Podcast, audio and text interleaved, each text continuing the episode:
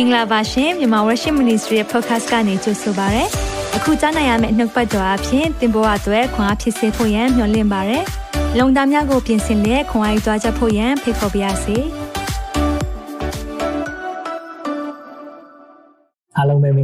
ဒီညမှာပြန်လည်ဆုံတွေ့ခွင့်ပေးတဲ့ဖျားရှင်နာမှာတော့အထူးပဲချီးမွမ်းပါတယ်ကျွန်တော် comment ထဲကတခုလေးအရန်ခွန်အားရတာကို share ချင်ပါတယ်ကျွန်မကတော့ချီနှောင်ထားတဲ့လူတစ်ယောက်ကိုပြန်စကားပြောနိုင်သွားပါပြီဟာလေလုယာဒီနေ့ဖျားရဲ့နှုတ်ကပတ်တော်ရောက်လာတဲ့အခါမှာခွန်အားဖြစ်တယ် အဲ့ဒီခွန်အားနဲ့ပဲတပားသူကိုခွင်လွန်နိုင်တယ်ချစ်လာနိုင်တယ်အာမင်ဒါကြောင့်မလို့ကျွန်တော်တို့နှုတ်ပတ်တော်တွေကိုခံယူရဲခုနကိုရီးယားဇလန်တွေပြတ်သွားတဲ့လူတွေလည်းရှိတယ်နော်ဘာကြောင့်လဲဖျားနှုတ်ကပတ်တော်ကိုရီးယားဇလန်တွေတဲ့ပို့ပြီးတော့ချုံမြင်တာဖြစ်တယ်ဒါကြောင့်မလို့ဝန်ခံရအောင်နှုတ်ကပတ်တော်ဟာကျွန်ုပ်ခြေရှိမှမိခွက်ဖြစ်တယ်ကျွန်ုပ်လန်ကီကိုလင်းစေတယ်လို့ဝန်ခံရအောင်ဒီနှစ်တော့နှုတ်ကပတ်တော်သည်ကျွန်ုပ်ခြေရှိမှမိခွက်ဖြစ်၍ကျွန်ုပ်လန်ကီကိုလင်းစေပါ၏တစ်ခါတော့ထပ်ဝန်ခံရအောင်နှုတ်ကပတ်တော်သည်ကျွန်ုပ်ခြေရှိမှမိခွက်ဖြစ်၍ကျွန်ုပ်လန်ကီကိုလင်းစေပါ၏ဟာလေလုယာဒီနေ့ကြားနာရမယ်နှုတ်ကပတ်တော်အပြင်သင်လန်းလင်းမယ် ဒီနေ့ကြားနာရမယ့်အရာအဖြစ်တဲ့အလင်းရမယ်ဒီနေ့ကြားနာရမယ့်အရာအဖြစ်ဘုရားဘုန်းတော်ထင်ရှားမယ်သင်ယုံကြည်ပါသလားယုံကြည်ရဆိုရင်ဒီနေ့ကျွန်တော်တို့စက္ကန့်အနိုင်ရအောင်ဘုရားလက်ဝင်နဲ့အနိုင်ရအောင် David Kim သင်နိုင်တာလုံးဝမဟုတ်ဘူးတန်ရှင်တော်ဝိညာဉ်တော်ဘုရားဖွင့်ပြမှာဖြစ်တယ်ဒါကြောင့်ကျွန်တော်ပြင်ဆင်နိုင်တဲ့လောက်ပြင်ဆင်ထားပါတယ်ဒါပေမဲ့ပြင်ဆင်တာထက်ဘုရားစကားပြောနိုင်တာဖြစ်တယ်နှလုံးသားတွေကိုတိုးထီနိုင်တာကျွန်တော်ရဲ့စကားလုံးမဟုတ်ပါဘူးဘုရားရဲ့မြတ်တာဖြစ်တယ်။ဒါကြောင့်မလို့ဒီနေ့မှာယုံကြည်ပါတယ်။ ယုံကြည်သူအားလုံးကိုကြိုးဆိုသလိုဓမ္မမိတ်ဆွေများရှိတယ်ဆိုရင်လည်းဒီနေ့မှာကြိုးဆိုပါတယ်။အားလုံးကိုအဖျားသခင်အထူးကောင်းကြီးပေးပါစေခဏလောက်အသက်တာအနိုင်အောင်ကျွန်တော်တို့လည်းဆုတောင်းပေးပါပြီးရင်မိတ်ဆွေရဲ့နှလုံးသားဖွင့်ထားပါကျွန်တော်တို့အထူးပဲလက်ဝင်နိုင်အနိုင်အောင် အသက်ရှင်သောဖခင်နာမတော်ချီးမွမ်းတယ်။ဖခင်ရဲ့ပို့ဆောင်ခြင်းလမ်းပြခြင်းအတွက်ယေရှုတင်တယ်။ဒီညမှာလည်းကိုတော့ကျွန်တော်တို့ကိုတဖန်ပြန်လဲ၍သွန်သင်အောင်မှာဖြစ်လို့ယေရှုတင်တယ်။ဒီနေ့သင်ခန်းစာတွေတစ်ခုပြီးတစ်ခုသွားတဲ့အခါမှာကိုတော့ကျွန်တော်တို့တွေကိုတော့ကိုပို့ပို့ပြီးတည်လာဖို့အကြောင်းဖြစ်စေပါ။နှုတ်ပတ်တော်အတွက်လက်ဝင်တဲ့အနက်နဲ့ကိုတော့ဒီနေ့ကျွန်တော်တို့ဘက်ကတော့အကောင်းဆုံးပြင်ဆင်ထားပါတယ်။ဒါပေမဲ့ကျွန်တော်ပြင်ဆင်နိုင်တာတဲ့ကိုတော့ စကားပြောနိုင်တယ်ဆိုတာဝန်ခံတယ်။တန်ရှင်းသောဝိညာဉ်တော်ရဲ့ပါရှိခြင်းဥဆောင်ခြင်းမမဟုတ်ဘူးဆိုရင်တော့ကျွန်တော်တို့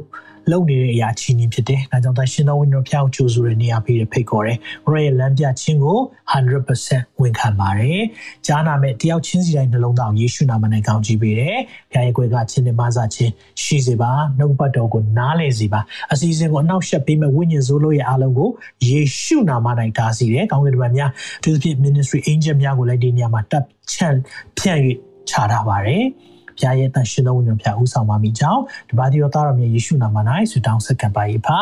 အာမင်အာမင်ဟုတ်ပြီကျွန်တော်တို့တွေအခုဆိုရင်လေ့လာတာ spiritual warfare ဝိညာဉ်စစ်ပွဲအကြောင်းကိုလေ့လာတာကျွန်တော်တို့ episode number 5ဖြစ်သွားပြီเนาะဒီနေ့9ခုဖြစ်သွားပြီလွတ်သွားတယ်ဆိုရင် YouTube မှာအားလုံးပြန်လည်ကြည့်ရှုနိုင်တယ်ဆိုတာကိုပြောပြချင်တယ်ဆိုတော့ဒီညမှာကျွန်တော်တို့မသွားခင်မှာအရင်ဘက်က အာပြောခဲ့တဲ့အကြောင်းအရာတွေလေ့လာခဲ့တဲ့အရာကိုခဏလောက်ကျွန်တော်တို့နှွေးတဲ့အနေနဲ့တစ်ချက်လောက်ကြည့်ရအောင်ဝိညာဉ်စစ်ပွဲအကြောင်းနဲ့ပတ်သက်ပြီးတော့အဓိကကျွန်တော်တို့လေ့လာနေတဲ့ဂျန်ဘိုက်တွေကတော့ဘာဖြစ်မလဲဆိုရင် effect 6အငယ်10ကနေ18အထိဖြစ်ပါမယ်ကျွန်တော်တို့အနေငယ်လေ့လာရအောင်ကျွင်းသေးသောစကားဟုတ်မှုကအလွတ်ကြက်ခိုင်းထားတာဘယ်နှယောက်ရကြပြီလဲရကြမယ်လို့ထင်ပါတယ်เนาะကြက်နေစေဖြစ်တယ်ဆိုရင်ကြက်ပါဒါပေမဲ့အာဂုံဆောင်တာတဲ့ဒီနေ့ဒီအရာကိုကိုယ်တိုင် ကျင့်ကြံဖို့လိုတယ်ဆိုတာကိုလည်းပြောပြချင်ပါတယ်ကျွန်းသေးသောစကားဟူမူကညီကိုသခင်ဖျားဖြင့်၎င်းတကူတော်အရှင်အားဖြင့်၎င်းခိုင်ခန့်ခြင်းရှိကြလောမာနဤပရိယေတို့ကိုစီးတာနိုင်မိကြောင်းဖျားသခင်ပြင်ဆင်တော်မူသောလက်နှစုံကိုဝတ်ဆောင်ကြလောမာနရဲ့ပရိယေပရိယေတိတ်ကြွယ်ဝတဲ့မာနဖြစ်တယ်ဒါကြောင့်ဒီအရာတွေကိုစီးတာနိုင်မှုဘုရားကကျွန်တော်တို့ကိုလက်နှစုံဝတ်ဆင်ဖို့ရန်အတွက်အလိုရှိတယ် အကြောင်းမူကားဘာကြောင့်လဲဆိုတာကငါတို့ဒီအသွေးအသားရှိသောရန်သူတို့နဲ့စိုင်ပြိုင်တိုက်လိုက်ရကြသည်မဟုတ်တဲ့ကျွန်တော်တို့ရန်သူဟာအသွေးသားမရှိဘူးဆိုတာသိစေချင်တယ်အဲကြောင့်အသွေးသားရှိတဲ့ရန်သူကိုလည်းအသွေးသားရှိတဲ့သူကိုရန်သူအစ်စ်မှန်ကအတုံးချတတ်တယ်ဆိုတာပြောပြချင်တယ်ဒါကြောင့်တခါလေးမှာတင့်ကိုအသွေးသားရှိတဲ့ဘေးကလူတွေကပဲပြန်လေတိုက်ခိုက်တာတွေတခါလေးကျွန်တော်တို့ကြုံတွေ့ရတတ်တယ် ဟုတ်ပြီအထွတ်မြတ်တို့နဲ့၎င်းအာနာဇက်တို့နဲ့၎င်းလော်ကီမောင်မိုက်၌ဆိုတီယာပြုလုပ်သောမင်းတို့နဲ့၎င်းမုန်းကောင်းနေနိုင်နေသောနတ်ဆိုးတို့နဲ့၎င်းစိုက်ပြိန်တက်လည်ရကြအဲ့ဒီမှာဝိညာဉ်ဇိုးအမျိုးအစား၄ခုတောင်ရှိတယ်ကျောင်းဘသူတွေနဲ့ရန်ရန်သူတွေကဘသူဖြစ်တယ်ဆိုတာကိုအဲ့ဒီမှာပြောထားတယ်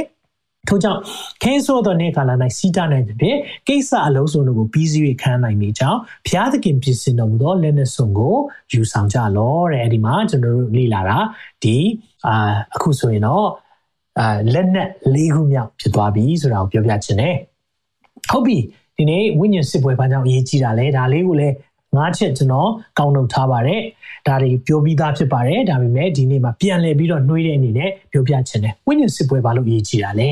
ဘာကြောင့်လဲဆိုတာယောဟန်10 10မှာမပြောလဲဆိုတော့တကူဟာခိုးခြင်းတတ်ခြင်းဖြတ်စီခြင်းနဲ့လာတယ်တဲ့ရန်သူကတင့်ကိုလုံးဝမတက်ကြအောင်ဆိုတာသိစေခြင်းနဲ့သူ့ရဲ့တာဝန်ကခိုးမယ်တတ်မယ်ဖြတ်စီမယ် ဒါကြောင့်ရန်သူစာတန်ကိုပေါ့ပေါ့တန်တန်လုံးဝသဘောမထားစေချင်ဘူးသင်မသိတဲ့အချိန်မှာနံပါတ်1ချက်ကပါလဲဆိုတော့တစ်ပင်ငါးထဲမှာဟောက်တော့ချင်သိခဲ့တို့အဘယ်သူကိုဝါမျိုးရမလဲဆိုတာကြည်နေတယ်တဲ့။အဲကြောင့်တမာတိရှိဖို့နဲ့မာနကိုစီးကြဖို့လိုတယ်ဆိုတာကိုပြောပြချင်တယ်။ပြီးရင်အသွေးသားရှိတဲ့ရန်သူမဟုတ်ဘူးလို့အေဘက်6စနစ်မှာပြောတယ်။ဒါဆိုရင်ကိုယ့်ရဲ့ပတ်ဝန်းကျင်ကလူအသုံးချတတ်လားအရန်သုံးပါတယ်။အထူးသဖြင့် အဝေးကတိုက်လို့မရရင်အနီးကလူကိုသုံးတယ်ဆိုတာကိုသိစေချင်တယ်။ပြီးရင်စစ်ပွဲပြီးပေမဲ့တိုက်ပွဲမပြီးသေးဘူး။ဘာကြောင့်ဘာကိုပြောတာလဲ။ဒီနေ့ဒုတိယကမ္ဘာစစ်တုန်းကဆိုလဲစစ်ပွဲဒုတိယကမ္ဘာစစ်ပြီးကြောင်းကြော်ညာလိုက်ပြီမဲ့နိုင်ငံတကာဒီအရာကိုကြီးညာတယ်ဂျပန်ဂျာမနီသူတို့စစ်အာရှုံးတယ်ဆိုပြီးတော့သူတို့ကလက်နဲ့ချအညံ့ခံတယ်ဒါပေမဲ့အဲ့ဒီအဖွဲ့တွေကတချို့တွေကလက်မခံနိုင်သေးဘဲနဲ့ပြန်ပြီးတိုက်ခိုက်နေတာရှိတယ် ဒါကိုဘာကိုပုံဆောင်လဲဆိုတော့စာတန်ကလည်းထုံနေလကောင်းပဲသူ့အချိန်မကုန်သေးတဲ့အတွက်အကြီးကျယ်ကျွန်တော်တို့ကိုရံဘက်အနေနဲ့ရံမှုဆဲဖြစ်တယ်နော်ဒါကြောင့်မလို့တခုတော့နားလည်စီခြင်းနဲ့လက်ဝါးကားတိုင်းမှာသခင်ယေရှုအားဖြင့်အောင်မြင်ပြီးသားဖြစ်တယ်။ဟာလေလုယာ။လက်ဝါးကားတိုင်းမှာသခင်ယေရှုအားဖြင့်ကျွန်တော်တို့ဒီယန်သူစာတန်ကိုအောင်မြင်ပြီးသားဖြစ်တယ်။ဒါဆို तू ပြန်တိုက်တာကိုကျွန်တော်ဘယ်လိုတုံ့ပြန်မလဲ။ဒီလိုတုံ့ပြန်စီခြင်းနဲ့အောင်မြင်ခြင်းမှတိုက်ခိုက်တာ။ နော်အောင်မြင်ဖို့တိုက်ခိုက်တာမဟုတ်အောင်မြင်ခြင်းမှာတိုက်ခိုက်တာ we fight from victory not for victory နော်အဲ့ဒါကိုသိစေချင်တယ်အောင်မြင်တော်သူဖြစ်ပြီးသားဒါဆိုရင်ကျွန်တော်တို့ကအောင်မြင်ခြင်းကနေတိုက်နေတယ်ဆိုတာကိုနားလည်စေချင်တယ်ပြီးရင်နောက်ဆုံးချက်ကတော့အဲ့ဒီလက်နဲ့ဆုံအကြောင်းတွေတို့အခုလိုလေ့လာတဲ့အခါမှာတချို့အလွတ်ရတယ်နော်ဆိုတော့ခုနလီခုနတော်ဝစ်စင်ပါတယ်နော်မဟုတ်ဘူးအဲ့ဒါဒီမှားယွန်းတော့ခံယူချက်ဖြစ်တယ် ဒီနေ့အဲ့ဒီလက်နဲ့စုံတွေကိုအာဂုံဆောင်ပြီးဝစ်စင်တာမဟုတ်ဘဲနဲ့လက်တွေ့ကျင့်သုံးတာတစ္ဆာတည်ယူတော့ခပန်းစီးရဆိုတာပါလေတစ္ဆာရှိတာကိုပြောတာအာမင်ဒါကြောင့်မလို့တစ္ဆာခပန်းပါပြောတာတစ္ဆာရှိခြင်းတမာတရားရှိခြင်းအသက်တာမှာတမာတရားကိုခါးမှာပတ်ထားတဲ့ခါမှာဘာကိုပြောတာလဲဆိုတော့နော်ခါးမှာခပတ်ပတ်ထားတဲ့ခါမှာရှက်စရာရှက်ကြောက်ဖွယ်ကနေကာကွယ်တယ်နော်ဒါကိုပြောစီပြောတာဖြစ်တယ်ဒါကြောင့်တမာတရားလို့တယ်ဒါဆိုရင်ဖြောက်မှတ်ခြင်းရုပ်စာရောဘာကိုပြောတာလဲဖြောက်မှတ်ခြင်းကိုလက်တွေ့ကျင့်သုံးတာ အသက်တာမှာဖြောက်မှတ်စွာနေထိုင်တာဒါဆိုရင်သခင်ယေရှုအားဖြင့်ရတဲ့ဖြောက်မှတ်ခြင်းကဒါလက်ဝါးကားတိုင်းမှာကျွန်တော်တို့ကိုဖြောက်မှတ်တော်သူလို့ကြီးညာပြီးပြီဒါဆိုရင်ဘာကိုပြောတာလဲဖြောက်မှတ်ခြင်းပါရမီနောက်ကိုလိုက်တာเนาะဒီအကြောင်းအရာကိုကျွန်တော်တို့လေ့လာခဲ့ပြီးပြီဒါကိုလည်းသိစေချင်တယ်ပြီးရင်အရင်ပြီးခဲ့တဲ့အပတ်ကပဲကျွန်တော်ဆွေးနွေးသွားတဲ့ညီသက်ချင်းအေဝင်ကလေးခြေစွပ်အကြောင်းပြောတဲ့အခါမှာတချို့တွေ comment ရေးထားတာတွေ့တယ်။ကယ်တင်ချင်းဟောဖို့ရန်အတွက် စိတ်ထဲမှာနှိုးဆော်ခြင်းခံရတယ်။အာမင်။ဒီနေ့အေဝင်ကလေးတရားကညီသက်ချင်းနဲ့အမြဲတမ်းရှင်တွဲတယ်။ညီသက်ချင်းကိုဖြစ်စေတယ်။ဖခင်နဲ့လူအကြားမှာဖြစ်နေတဲ့ပြဿနာတွေအားလုံးကိုညီသက်စေတယ်ဆိုတာကိုနားလည်စေခြင်းနဲ့ပြီးရင်ကိုယ့်ရဲ့ခံယူချက်ပြီးရင်ကိုယ့်ရဲ့ယက်တီချက်ခိုင်မာဖို့ဖြစ်တယ် ဖဏဝတ်ထားခြင်းအပြင်ကိုသွားတဲ့အခါမှာကာကွယ်ခြင်းရရှိတယ်ဆိုတဲ့အကြောင်းလေးကိုကျွန်တော်တို့အသေးစိတ်လေ့လာပြီးပြီဖြစ်တယ်။ဒါဆိုရင်ဒီနေ့ဘာကြောင့်ပြောမလဲ။ယုံကြည်ခြင်းဒိုင်လွှာအကြောင်းကိုပြောသွားမှာဖြစ်တယ်။ The shield of faith ယုံကြည်ခြင်းဒိုင်လွှာအကြောင်းကိုပြောသွားမယ်။ဆိုတော့ဟုတ်ပြီကျွန်တော်တို့ဒိုင်လွှာအကြောင်းပြောတော့မယ်လို့ပြောတဲ့အခါမှာဒိုင်းလွှားနဲ့ပတ်သက်ပြီးနည်းနည်းပြောပြချင်တယ်။အဲ့ဒီဒိုင်းလွှားကဘာလဲဆိုရင်တော့ကျွန်တော်တို့ အခြေခံဂျမ်ဘိုက် Impact Awareness အခန်းကြီး6ငွေ16ကိုဖတ်ချင်ပါတယ်။မာနပြစ်ခတ်သောမိဆက်လက်နက်ကိုကာတတ်နိုင်သောယုံကြည်ခြင်းတည်ဟူသောလွှာယုံကြည်ခြင်းဒိုင်းလွှားကိုပြောတာဖြစ်တယ်။ယုံကြည်ခြင်းတည်ဟူသောလွှားကိုလည်းခတ်သိမ်းသောလက်နက်တို့အပေါ်မှာထပ်ဆင့်ယူဆောင်ကြလော။ဒီနေ့ဒီမှာကျွန်တော်နည်းနည်းလေးအကျယ်ချဲ့ချင်ပါတယ်။မာနပြစ်ခတ်သောမိဆက်လက်နက်နော်ဆိုတော့ ဘာကိုပုံဆောင်လဲဆိုတော့အဲ့ဒီချိန်တုန်းကစစ်တိုက်ပြီးဆိုရင်မြားတွေပြစ်ကြတဲ့အခါမှာအဲ့မြားမှာဘာလုပ်လို့ရှိလဲဆိုတော့သူတို့ကဒီမီးလောင်စေတဲ့เนาะရေနံကြီးတော့ဒီမီးလောင်စေတဲ့လောင်စာတစ်ခုခုကိုမြားထိတ်မှာသူတို့ကပတ်ထားပြီးရင်ပြစ်လို့ရှိတယ်အဲ့လိုပြစ်လိုက်တဲ့အခါမှာအိမ်မှာပဲเนาะအကယ်၍အိမ်တကားကိုကြားရဲဆိုအိမ်တကားမီးလောင်နိုင်တယ်လူပေါ်ကြားရဲဆိုလူမီး လောင်နိုင်တယ်စသဖြင့်တဲတွေပေါ်ကျရင်တဲတွေမီးလောင်နိုင်တယ်ဒါကရန်သူကအမြဲတမ်းပြစ်နေပါ ခုနပြောတဲ့ရင်အုပ်တစာကြီးကာထားတယ်ဒါပေမဲ့အဲ့ဒါ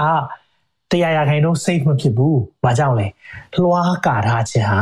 ပို့ပြီးတော့ safe ဖြစ်တယ်ဆိုတာကိုသိစေချင်တယ်ဒါကြောင့်မလို့ယုံကြည်ခြင်းဒိုင်းလွှားဟာသိရေးကြီးတဲ့အရာဖြစ်တယ်ဆိုတာကိုဒီနေ့မှာကျွန်တော်လေ့လာရအောင်အာမင်ဆက်ပြီးတော့ကြည့်တဲ့အခါမှာယုံကြည်ခြင်းလွှားကိုလည်းခတ်သိမ်းသောလက်နဲ့တူဆိုတာယုံကြည်ခြင်းတစ်ခုပဲရှိပြီးတော့ကြံတဲ့ဟာမရှိလို့မရအောင် ခရိယန်တော်တော်များများဒီပြဿနာရှိနေတယ်။ယုံကြည်ခြင်းရှိလားအကုန်ရှိတယ်ခရစ်တော်ယုံလားယုံတယ်သစ္စာရှိလားလုံးဝမရှိဘူးလိမ်လားမမင်းနဲ့ပြီးရင်ဖြောင့်မတ်ခြင်းခံယူထားလားလုံးဝမတွေ့ရအောင်ဧဝံဂေလိဟောတာမဟုတ်ဒါဆိုရင်ခုနကျွန်တော်ဖတ်ခဲ့တဲ့နှုတ်ကပတ်တော်နဲ့ပတ်သက်ပြီးကျွန်တော်လွဲနေပြီ။ဘာကြောင့်လဲခတ်သိမ်းသောလက်နက်တို့အပေါ်မှာထပ်ဆင်ယူပါတဲ့ အာမင်ဆိုတော့တခြားလက်နဲ့ဒီမဝစ်နဲ့မပြောတော့ဘူးအဲ့ဒါလဲဝစ်ပါဒါပေမဲ့ယုံကြည်ခြင်းတိုင်းလွားကိုခတ်သိမ်းသောလက်နဲ့တို့အပေါ်မှာထပ်ဆင်းယူပါတဲ့ဒါကိုမိတ်ဆွေကိုနားလဲစေချင်တယ်ဒါကြောင့်ဒီနေ့မှာကျွန်တော်တို့ခတ်သိမ်းသောလက်နဲ့ဒီအပေါ်မှာထပ်ဆင့်ဝိရမယ်ဒီယုံကြည်ခြင်းလွှာကြောင့်ကိုလေ့လာသွားရအောင်ဟုတ်ပြီရောမစစ်သားတွေရဲ့ဒိုင်းလွှာဖြစ်တယ်ဒါကို scutum လို့ခေါ်တယ်နော် scutum ဆိုတော့အဲ့ဒီမှာကြည့်တဲ့အခါမှာ ဒီအကြောင်းအရာနဲ့ပတ်သက်ပြီးကျွန်တော်အနေငယ်ဒေးစိလေးပြောပြချင်တယ်အကျန်းလေးပေါ့နော်ဆိုတော့အရှိကသူတို့က၄ပေနီးပါးရှိပြီးတော့အကျယ်၃ပေနီးပါးရှိတယ်ဆိုတာသိရပြီးတော့အဲ့ဒီပြင်ပြားကို꿰ထားတယ်ပြင်ပြား꿰ထားတယ်တခါလေသူတို့၃ချက်ဆက်ထားတာရှိတယ်တခါလေတော့ပြင်ပြားတစ်ချက်ချင်းနဲ့ဆက်ထားပြီးတော့အဲ့ဒီအပေါ်မှာတရေပြားနဲ့ပတ်ထားပြီးတော့လှုပ်ထားတာရှိတယ်အဲ့ဒီအလေတက်တဲ့မှာဒီလက်ကင်เนาะဒီအတွင်းဖက်ချမ်းကိုကြည့်တဲ့အခါမှာလက်ကင်တွေ့မယ်တရေလဲတွေ့မယ်အဲ့ဒီတရေက မြဲမြံအောင်ပြန်ပြီးခြိထားတာဖြစ်တယ်လို့ဒီလက်ထားမဲ့နေရာလေးเนาะလက်ကင်တဲ့နေရာလေးရှိအောင်ဆိုပြီးတော့အဲ့ဒီမှာတန်လုံးဘုကလေးလေးထားထားတယ်เนาะဆိုတော့ဒါကယောမတွေခင်မှာသုံးတဲ့ဒိုင်းလွှားဖြစ်တယ်နောက်ပိုင်းမှာသုံးတဲ့ဒိုင်းလွှားလေးအဝိုင်းနေကျွန်တော်တွေ့ဖူးလိမ့်မယ်เนาะတကူလုံးမကဘူးဒါမဲ့ကာတဲ့အရာလေးတွေရှိဒါမဲ့ဒီယောမခေတ်တုန်းကသုံးတဲ့ယောမစစ်သားတွေသုံးတဲ့ဒိုင်းလွှား ရှင်ပေါလုပြောချင်တဲ့လွှာကတော့ဒီလိုပုံစံကိုသူတွေ့ပြီးတော့ဒါကျွန်တော်တို့ကိုသတိပေးတဲ့အရာဖြစ်တယ်ဆိုတာကိုနားလည်စေချင်တယ်။ဒါဆိုရင်တော့ပြီးရင်ဒီအလေးချိန်ကနော်အနည်းဆုံး15ပေါင်လောက်အထိရှိတယ်ဆိုတာလည်းသိချင်တယ်။ဒါဆိုရင်ကျွန်တော်တို့ကဒီမှာဗာမေးထားလဲယုံကြည်ခြင်းဒီဟုသောလွှာလို့ပြောတယ်။ယုံကြည်ခြင်းနဲ့ ဒိုင်းလွှားလို့ပြောတဲ့အခါမှာယုံကြည်ခြင်းဆိုတာဘာလဲဆိုတာကိုနည်းနည်းလောက်ခဏလောက်ကျွန်တော်တို့ဒီအဲ့ဒါကိုအရင်ဆွေးနွေးမယ်ပြီးရင်ဒိုင်းလွှားအကြောင်းပြောမယ်စင်ပြေပါသလားဆိုတော့ယုံကြည်ခြင်းဆိုတာဘာလဲကျမ်းစာထဲမှာယုံကြည်ခြင်းနဲ့ပတ်သက်ပြီးတော့အတိတ်ပဲဖွင့်ဆိုပြထားတဲ့နှုတ်ပတ်တော်ရှိပါတယ်အဲ့ဒီနှုတ်ပတ်တော်ကတော့ဟေပြဲ7အငယ်1မှာပြောထားတယ်ယုံကြည်ခြင်းသည်မျှော်လင့်သောအရာတို့ကိုမျက်မှောက်ပြုခြင်းဖြစ်၏မမြင်သေးသောအရာတို့ကိုတိမှတ်ဆွဲလန်းခြင်းအကြောင်းဖြစ်၏တဲ့ယုံကြည်ခြင်းဟာတဲ့ မျောလင့်သောအရာတွေမျက်မှောက်ပြုတယ်မမြင်သေးတဲ့အရာကိုတိမှတ်ဆွဲလန်းတယ်ဘာလို့ပြောချင်တာလဲကျွန်တော်ဒီအရာကိုကျွန်တော်တို့အလွတ်ရကြတယ်ဒါပေမဲ့နည်းနည်းလေးဒီအတိတ်ပဲလေးကိုရှင်းပြခြင်းတယ်မျောလင့်တဲ့အရာတွေကိုမျက်မှောက်ပြုတယ်ဆိုတာဘာလို့ပြောတာလဲဆိုတော့မျောလင့်တဲ့အရာလို့ပြောတဲ့အခါမှာ we are hoping ပေါ့နော် hope things that we hope for လို့အင်္ဂလိပ်လိုပြောတယ်မျောလင့်ထားတဲ့အရာတခုခုမျောလင့်ထားတဲ့ဖြစ်မယ်ဆိုတဲ့အရာကိုတဲ့မျက်မှောက်ပြုတယ်ဆိုတာ substance ဆိုတာအဆိုင်အခဲပြလို့ရတာ လက်စုပ်လက်ကင်ပြလို့ရတဲ့အရာယုံကြည်ခြင်းဖြစ်တယ်။ဝေါဒါလေးကိုနားလဲစေချင်တယ်နော်။ကိုမျောလင့်ထားတဲ့အရာကိုလက်စုပ်လက်ကင်ပြနိုင်လာတယ်ဆိုရင်အဲ့ဒါ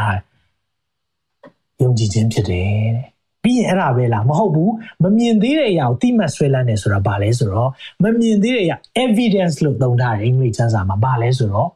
evidence ဆိုတာသက်သေပြလို့ရတဲ့အရာသက်သေ ဒါကြောင့်ယုံကြည်ခြင်းဆိုတာစိတ်ထဲမှာပဲရှိပြီးတော့လေပေါ်မှာတိုက်ဆောက်နေတာလုံးဝမဟုတ်ဘူးယုံကြည်ခြင်းဆိုတာတက်တည်ပြလို့ရတဲ့အရာအဆိုင်ခဲအဖြစ် substance ကင်တွယ်လို့ရတဲ့အရာပြောချင်တာဒီလောက်အထိကိုပြောထားတယ်။ဘာကြောင့်လဲဆိုတော့ယုံကြည်ခြင်းရှိတဲ့အခါမှာဖျားစိတ်တော်တွေ့တယ်။ယုံကြည်ခြင်းမရှိဘူးဆိုရင်တော့ဖျားစိတ်တော်မတွေ့ဘူးဆိုပြီးတော့ဒီရဲ့နှုတ်ဘတ်တော်ထဲမှာလည်းအခြေပြီးတော့ပြောထားတာရှိတယ်။ အဲကြောင့်မလို့ဟေဘရဲ7ထဲမှာဖတ်တဲ့အခါမှာယုံကြည်ခြင်းဖခင်တွေယုံကြည်ခြင်းမိခင်တွေယုံကြည်ခြင်းနဲ့ပတ်သက်ပြီးတော့နှုတ်ကပတ်တော်ထဲမှာနော်တကယ်ကိုမှတ်တမ်းတင်ရတဲ့သူတွေအကြောင်းကိုအသေးစိတ်ရေးထားတာတွေ့ရတယ်။အဲကြောင့်ယုံကြည်ခြင်းဟာဘာလဲဆိုရင်တင်မျောလင့်တာတခုရှိလိမ့်မယ်။ဘာလဲ။မျောလင့်နေလိမ့်မယ်။ဒီနေ့နှုတ်ကပတ်တော်ဟိုဖခင်ကဒီနေ့နှုတ်ပတ်တော်အဖြစ်ကျမအသက်တာလွတ်မြောက်မယ်ကျွန်တော်အသက်တာလွတ်မြောက်မယ်ဆိုတဲ့ယုံကြည်စိတ်နဲ့တင်လာရဲဆိုရင်လေ လွတ်မြောက်ခွင့်အဲ့ဒီအရာကိုသက်တည်ဖျားပေးမယ်ဟာလေလုယာယုံကြည်ပါသလားဒီလိုပြောတာယုံကြည်ခြင်းဆိုတာဘာလဲအာဒီနေ့နားထောင်ကြည့်လိုက်မယ်လေဘလို့နေလဲနော်အဲ့ဒါယုံကြည်ခြင်းမဟုတ်ဘူးယုံကြည်ခြင်းဆိုတာဒီနေ့တော့တခုခုကြားလိုက်မယ်ဖခင်ကကျမကိုစကားပြောလိုက်မယ်ကျွန်တော်ကိုဒီနှုတ်ကပတ်တော်အပြင်စကားပြောကိုပြောမှာပဲအဲ့လိုစွဲမြဲတဲ့စိတ်နဲ့ယုံကြည်တယ်ဆိုရင် things that we hope for ဆိုတာဖြစ်လာမယ်ဆိုတာယုံကြည်တယ်เนาะအဲ့လိုယုံကြည်တယ်ဆိုရင်ဘာဖြစ်လာမလဲဆိုတော့လက်ဆုပ်လိုက်ခိုင်ပြလို့ရတယ် တက်တည်ပြလို့ရတဲ့အရာဖြစ်လာလိမ့်မယ်။ဒါကြောင့်တက်တည်ခံတယ်လို့ကျွန်တော်တို့ပြောတာ။ဘာကြောင့်တက်တည်ခံတာလဲ။လက်ဆုပ်လက်ကင်ပြလို့ရတယ်။ယုံကြည်ပြီးဆုတောင်းလိုက်တဲ့ကျမ်းမာခြင်းနဲ့ဟာလေလုယာဒီနေ့ကျမ်းမာဖို့ရန်လိုအပ်တဲ့သူတွေယုံကြည်ခြင်းနဲ့ဒီနေ့ဖျားစင်မှာတောင်းတယ်။တရက်ကျမ်းမာလာတယ်။လက်တွေ့ပြလို့ရသွားတာ။လက်ဆုပ်လက်ကင်ပြလို့ရသွားတယ်။တက်တည်ရှိသွားတယ်။ဟာလေလုယာဒါယုံကြည်ခြင်းဆိုတာအဲ့ဒါကိုပြောတာ။ယုံကြည်ခြင်းဆိုတာကျွန်တော်တို့ကအေးယုံနေ အဲဖျားပေးရင်တော့ပြီးမှာပဲလေနော်ကျန်စာပါပြောလဲစိတ်နှခွရှိတဲ့သူဟာဖျားစီကနေဘာမှရမယ်ဆိုတော့မမျော်လင့်နဲ့နော်ပင်လယ်နှိုင်းလိုပဲဖြစ်သွားတယ်တဲ့လှုပ်ခါနေတယ်ဒီနေ့ကျွန်တော်ယုံကြည်ပါတယ်ဒီနေ့တခုခုဖခင်ကကျမကိုစကားပြောမယ်ကျွန်တော်ကိုစကားပြောမယ်ဆိုပြီးဒီအစီအစဉ်ကိုနားထောင်နေသူတွေပေါ်မှာဖခင်ရှင်ကလက်ဆုပ်လက်ကင်ပြတဲ့သက်သေပေးပါစီလို့ဒီညကနေယေရှုနာမ၌ဝန်ခံတယ်ဟာလေလုယာဆက်ပြီးတော့ကြည်အောင် ဒီရဲ့ယုံကြည်ခြင်းကပါလဲဆိုရင်ကျွန်တော်လက်စုပ်လက်ကင်ပြလို့ရတယ်လို့ပြောတဲ့အခါမှာယုံကြည်ခြင်းကလေပြောသလောက်မလွယ်ဘာလို့သိရလဲဆိုတော့ယုံကြည်ခြင်းနဲ့ပတ်သက်ပြီးတော့ကျမ်းစာထဲမှာ Thomas ဆိုတဲ့ပုဂ္ဂိုလ်တယောက်ကြောင့်ပြောပြခြင်းတယ်အဲ့ဒီ Thomas Thomas ဆိုတဲ့ပုဂ္ဂိုလ်မြန်မာလိုတော့ Thomas ဒီ Thomas ကဘာတူလဲဆိုရင်သခင်ယေရှုခရစ်တော်နဲ့၃နှစ်၃ပုံလက်တွဲခဲ့တဲ့တပည့်တော်တယောက်ဖြစ်တယ် တပည့်တော်၁၂ပါးတည်းကတယောက်ဖြစ်တယ်ဆိုတော့သခင်ယေရှုရဲ့လောက်ခဲ့သမျှနမိတ်လက္ခဏာတွေလူနာကိုကျမ်းမာစေတဲ့အရာမျက်စိကန်းတဲ့သူကိုမြင်စေတဲ့အရာလူသေးကိုရှင်စေတဲ့အရာအကုန်လုံးမြင်တယ်သို့တော့သခင်ယေရှုအသေးခံတဲ့အခါမှာပြန်လဲရှင်ပြန်ထမြောက်မယ်ဆိုတဲ့အရာသူလုံးဝအဲ့ဒီအရာကိုသူ့ရဲ့တဘာဝကြကြအုံနောက်နဲ့မစင်စားနိုင်သူမိသွားတာတခုရှိတယ်ပါမသိလား ဖခင်ဟာတဘာဝမကြောက်ဘာလို့လဲတဘာဝလွန်ဖခင်ဖြစ်တယ်ဟာလေလုယာတဘာဝရဲ့အထက်မှာရှိတဲ့ဖခင်ဖြစ်တဲ့အခါမှာတခါလေကျွန်တော်တို့စဉ်းစားတဲ့အရာတွေတွေးခေါ်တဲ့အရာတွေကျွန်တော်တို့ယုံကြည်တဲ့အရာတွေက တဘာဝမကြတယ်လို့ခံစားရတဲ့အချိန်ရှိလိမ့်မယ်ဒါပေမဲ့တဘာဝရဲ့အထက်တဘာဝလွန်ဖျားဖြစ်တဲ့ supernatural god ဆိုတာကိုယုံကြည်ခြင်းနဲ့ဒါကြောင့်ဒီနေ့ဝန်ခံရအောင် my god is a supernatural god လို့ဒီနေ့ဝန်ခံရအောင် my god is the supernatural god amen not a the my god is the supernatural god ကျွန်ုပ်ဘုရားသည်တဘာဝလွန်ဖျားဖြစ်တယ်လို့ဝန်ခံရအောင်ကျွန်ုပ်ဤဖျားသည်တဘာဝလွန်ဖျားဖြစ်တယ်ဒီနေ့ဒါကိုနားလဲစေခြင်းနဲ့အဲ့ဒါမှ Thomas နဲ့တပည့်တော်တွေရှိနေကြတယ်ပထမပေါ်လာတဲ့အချိန်မှာတော့ Thomas မရှိနေဘူးတပည့်တော်တွေရှေ့မှာသခင်ယေရှုကသုံးရက်မြောက်တဲ့နေ့မှာပြန်လဲရှင်ပြန်ထမြောက်တဲ့ခါမှာအားလုံးကမယုံနိုင်လောက်ဒါနဲ့ပြန်စကားပြောကြတယ်အားလုံးတွေ့တဲ့အခါမှာ hey သခင်ပေါ်လာတယ်ဘယ်သခင်လဲငါတို့သခင်မောသုံးရမြောက်သောနေ့မှာရှင်ပြန်ထမြောက်မယ်လို့ပြောတဲ့သခင်သခင်ယေရှုကိုပြောတာလားလဝါကားတိုင်းမှာတည်သွားတာမဟုတ်ဘူးလားဟုတ်တယ်သောမတ်စီရှင်ပြန်ထမြောက်ပြီ သူပြောတဲ့အတိုင်းပဲရှင်ပြန်ထမြောက်ပြီ resurrected Jesus glorified Jesus ကိုမြင်ရပြီလို့ပြောတဲ့အခါမှာမယုံနိုင်ဘူးမယုံဘူးငါကိုယ်တိုင်လေသူ့နဘေးအနာကိုကင်ကြည့်မှယုံမယ်ငါကိုယ်တိုင်လေသူ့ရဲ့လက်ကဒဏ်ချက်တော်တွေဒဏ်ရာတွေကိုကင်ကြည့်မှယုံမယ်နှုတ်ဘတ်တော်ကပြောတယ်ရှေ့ရက်အကြာမှာသခင်ယေရှုပြန်ပေါ်လာတယ်တခြားမပြောတော့သောမတ်ကိုလာပြီးသောမတ်လာခဲ့ကင်ကြည့်ပါကင်လဲကင်ကြည့်တဲ့အခါမှာ သောမတ်ကဘာပြောလဲဆိုတော့ဒီနှုတ်ကပတ်တော်ကိုသောမတ်ကဝန်ခံသွားတယ်အဲ့ဒါပါလဲဆိုတော့ရှင်ယောဟန်20ငယ်28မှာသောမတ်ကလည်းသောမတ်ကလည်းအကျွန်ုပ်ဤအရှင်အကျွန်ုပ်ဤဖျားပါတကားဟုပြန်၍ရှောက်၏အကျွန်ုပ်ဤအရှင် ho curious moi kai ho theos moi ပြောချင်တာပါလေ curious အရှင် theos ဖျားအကျွန်ုပ်သခင် အကျွန်ုပ်ဖယားအဲ့လိုဝင်ခံသွားတာဒူးထောက်ပြီးတော့အဲ့ဒီသောမတ်ကိုသခင်ယေရှုကကြည့်ပြီးတော့ဗာပြောတယ်ထင်လဲဒီနှုတ်ပတ်တော်မှာဆက်ကြည့်တဲ့အခါမှာယေရှုကလည်းတင်းဒီငါ့ကိုမြင်သောကြောင့်ငါ့ကိုမြင်လို့ယုံကြည်ရှိ၏ ငါကိုမမြင်ဘဲယုံသောသူတို့သည် မင်္ဂလာရှိကြ၏ဟုမိန်တော်မူ၏ငါကိုယုံသောသူငါကိုမမြင်ဘဲယုံသောသူတို့သည် မင်္ဂလာရှိကြ၏ဟုမိန်တော်မူ၏မိခွန်းတစ်ခုမေးမယ်သခင်ယေရှုကိုမြင်ဘူးလားမြင်ဘူးဒါမဲ့ယုံလားယုံတယ်ဒါဆို Thomas ကိုပြောချင်တာလားအခုကျွန်တော်တို့ကိုပြောချင်တာလားကျွန်တော်တို့ကိုပြောချင်တာပေါ့ဒီနေ့နှုတ်ကပတ်တော်ထဲမှာမြင်မှပဲယုံမဲဆိုတဲ့အဖွဲ့တွေရှိတယ်အဲ့ဒါယုံကြည်ခြင်းမဟုတ်ဘူး ဘာလို့လဲယုံကြည်တဲ့အရာမှပဲမြင်ရတာအာမင်တချို့ကတော့မြင်မှပဲယုံမယ်ဘုရားတော့မဟုတ်ဘူးယုံကြည်ရင်မြင်ရမယ်ဟာလေလုယာမြင်မှယုံရတာမဟုတ်ဘူးယုံကြည်မှမြင်ရတာအာမင်ဒီနေ့ဝင်ခံရအောင်အာမင်ဒါကြောင့်မလို့သောမတ်ကိုပြန်ပြောလိုက်တယ်သောမတ်မြင်မှပဲယုံတာဒါပေမဲ့မမြင်တဲ့ယုံမင်္ဂလာရှိတယ်မမြင်ဘဲနဲ့ယုံတော်သူမင်္ဂလာရှိတယ်အဲ့ဒီသောမတ်ဘယ်လောက်ယုံသွားလဲသိလားအေဝံဂေလိတရားဟောတာလေ မြန်မာနိုင်ငံဘေးကအိန္ဒိယနိုင်ငံအထိရောက်ခဲ့တယ်နော်ဂျေရုရှလင်မြို့ကနေဆက်သွားဆက်သွားဆက်သွားတာသောမတ်ကအိန္ဒိယမှာအဲအိန္ဒိယနိုင်ငံအထိကို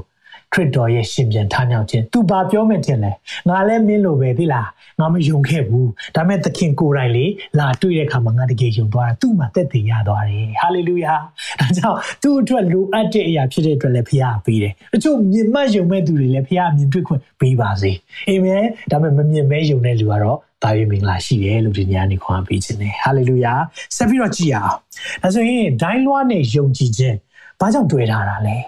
ယုံကြည်ခြင်းဒိုင်းလွှာယုံကြည်ခြင်းဒိုင်းလွှာလို့ကျွန်တော်တို့ကိုပြောထားတယ်တင်စားတယ်ဘာကိုပြောချင်တာလဲဒီနေ့ကျွန်တော်အချက်၅ချက်ပြောပြချင်တယ်နံပါတ်1အချက်ကဒိုင်းလွှာကိုမထားဖို့လိုသလိုယုံကြည်ခြင်းကိုလည်းအမြဲမထားဖို့လိုတယ်ပြောကြည့်အောင်ဒိုင်းလွှာကိုမထားဖို့လိုသလိုယုံကြည်ခြင်းကိုလည်းအမြဲမထားဖို့လိုတယ်ဘာကိုပြောချင်တာလဲယုံကြည်ခြင်းဆိုတဲ့အရာကလေကိုကိုယုံကြည်ခြင်းကို lift up လုပ်တယ်ဆိုတာယုံနေဆိုတဲ့အရာကိုအမြဲတမ်းဆွဲလန်းခြင်းမရှိဘူးဆိုရင်လေ ယုံကြည်ခြင်းကကြားတယ်နော်မယုံနိုင်တော့ဖះရှိတယ်ဆိုတာအရင်တချို့တွေယုံခဲ့တဲ့သူတွေအများကြီးနောက်ကြတော့မယုံတော့ဘူးဆိုပြီးလူသိရှင်ကြားဝန်ခံခဲ့တဲ့သူတွေလည်းအများကြီးရှိတယ်။ဘာကြောင့်လဲယုံကြည်ခြင်းတိုင်းလောအောင်မမတာအောင်လေ။ဒါကြောင့်ကျွန်တော်တို့တွေယုံကြည်တယ်ယုံကြည်တယ်လို့ပြောတဲ့ခါမှာအဲ့ဒီတိုင်းလောက နော်15ပေါင်လောက်လေးတယ်လို့ပြောတဲ့အခါမှာတော်တော်လေးတယ်ရာဒါအီးလေးကင်ထားဒါလေးကင်ထားရတယ်လမ်းလေးလျှောက်ရတယ်အဲ့ဒီချိန်မှာရင်ဟုတ်တစာတွေရောတန်ခမောက်တွေရောစဉ်းစားကြည့်စစ်သားတယောက်ကဒါမဲ့ဒါအီးကင်ထားတဲ့အခါမှာ तू ဟာမလေးပဲနေမလားဒါကြီးကင်ထားတဲ့အခါမှာသူ့လက်ကမကြမကြကြအောင်သူခဏခဏပြန်ပြီးမဆွဲတင်ရပဲနေမလားဆွဲတင်ရတာဗောမရတာဗော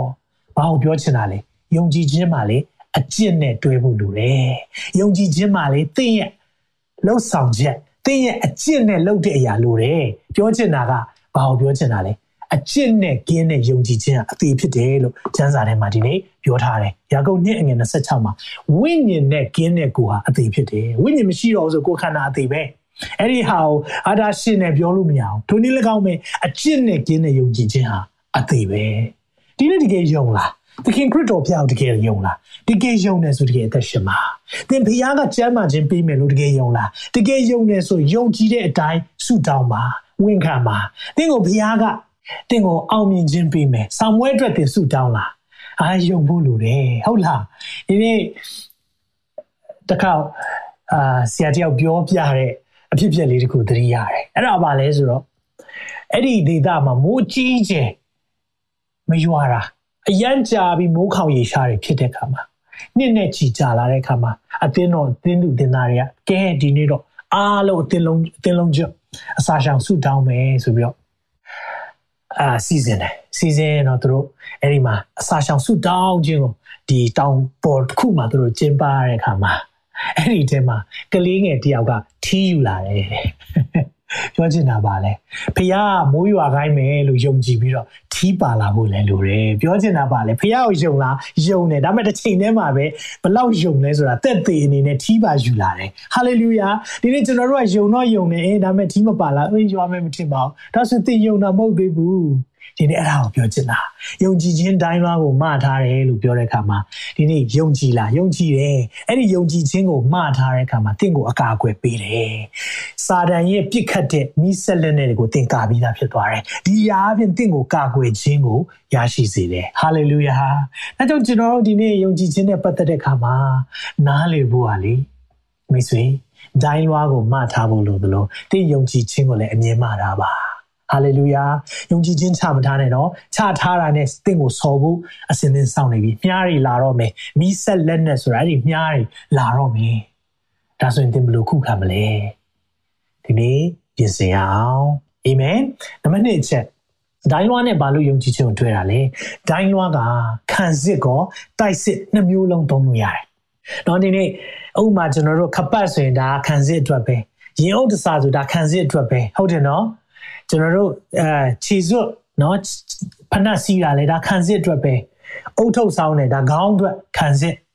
ဒါပေမဲ့ဒိုင်းလွှမ်းကြတော့ခံစစ်လည်းဟုတ်တယ်တိုက်စစ်လည်းဟုတ်တယ်ဒါလေးကိုပြောပြချင်တယ်နောက်နောက်ပတ်တော့ ਨੇ ကျွန်တော်တို့ဖတ်တဲ့အခါမှာမတွေ့လဲဆိုတော့ရှင်မသက်ခရစ်ဝင်ကျမ်းခန်းကြီး7ခုမှာလို့ပြောတယ်တင်းတို့သည်ယုံကြည်ခြင်းမရှိတော့ကြောင်းမနှင်ထုတ်နိုင်ကြဒီအကြောင်းအရာကိုသခင်ယေရှုကဘာအနေနဲ့ပြောတာလဲဆိုတော့ယုံကြည်ခြင်းနဲ့ပတ်သက်ပြီးတော့အဲ့ဒီမှာတပည့်တော်တွေကနတ်ဆိုးဆွဲတဲ့သူတယောက်ကို နတ်ဆိုးမောင်းထုတ်တဲ့အခါမှာနတ်ဆိုးကမထွက်ဘူးမထွက်တဲ့အခါမှာသူတို့ကနောက်ဆုံးကြတော့သခင်ယေရှုစီခေါ်လာပြီးတော့ကျွန်တော်တို့လည်းလှုပ်တာပဲမရဘူးအဲ့မှာသခင်ယေရှုပြန်ပြောတဲ့စကားဖြစ်တယ်။ဘာပြောလဲဆိုတော့သင်တို့ဒီယုံကြည်ခြင်းမရှိသောကြောင့်အဲ့လိုကိုသုံးတာနော်ယုံကြည်ခြင်းမရှိတဲ့အတွက် faithless ယုံကြည်ခြင်းမရှိလို့မထင်တော့မှညာငါမှန်ကန်ဆိုတဲ့သင်တို့ဒီမုံညင်းစေခံမြလောက်သောယုံကြည်ခြင်းရှိလေဤထိုးတောင်ကိုနေရာမှာရွှေ့လောဟုဆိုကြသောနေရာမှာ ရွှေ့လိမ့်မည်ယုံကြည်ခြင်းရှိရင်တင်တို့မတက်နိုင်သောအမှုမရှိဒီနေ့ကျွန်တော်တို့မုံညင်းစေးလောက်ယုံကြည်ခြင်းလို့ပြောတယ်တင်းငယ်သောယုံကြည်ခြင်းလို့ပြောတာဒီနေ့အဲ့ဒါနဲ့ပတ်သက်ပြီးတော့ကျွန်တော်နည်းနည်းလောက်ရှင်းပြခြင်းတယ်မုံညင်းစေးလေးတွေ့ဘူးကြလားတွေးဘူးမယ်လို့ထင်ပါတယ်နော်လက်နှစ်ခုကြားထဲမှာထည့်ထားတာမုံညင်းစေးသေးသေးလေးပါဒါပေမဲ့မုံညင်းပင်တွေ့ဘူးလားမုံညင်းပင်ကျွန်တော်စားတဲ့မုံညင်းပင်ရှိတယ်နော်ဒါပေမဲ့တကယ့်မုံညင်းပင်လည်းရှိတယ်အဲ့ဒီမုံညင်းပင်ကဒီလောက်ကြီးတယ်နော်ဒီလောက်မုံညင်းပင်ကို အောက်မှာလူတွေ9ယောက်လောက်ရှိတယ်ဘလောက်ကြီးမှလဲယုံကြည်ခြင်းဆိုတာထိုနည်း၎င်းပဲလို့ပြောတာ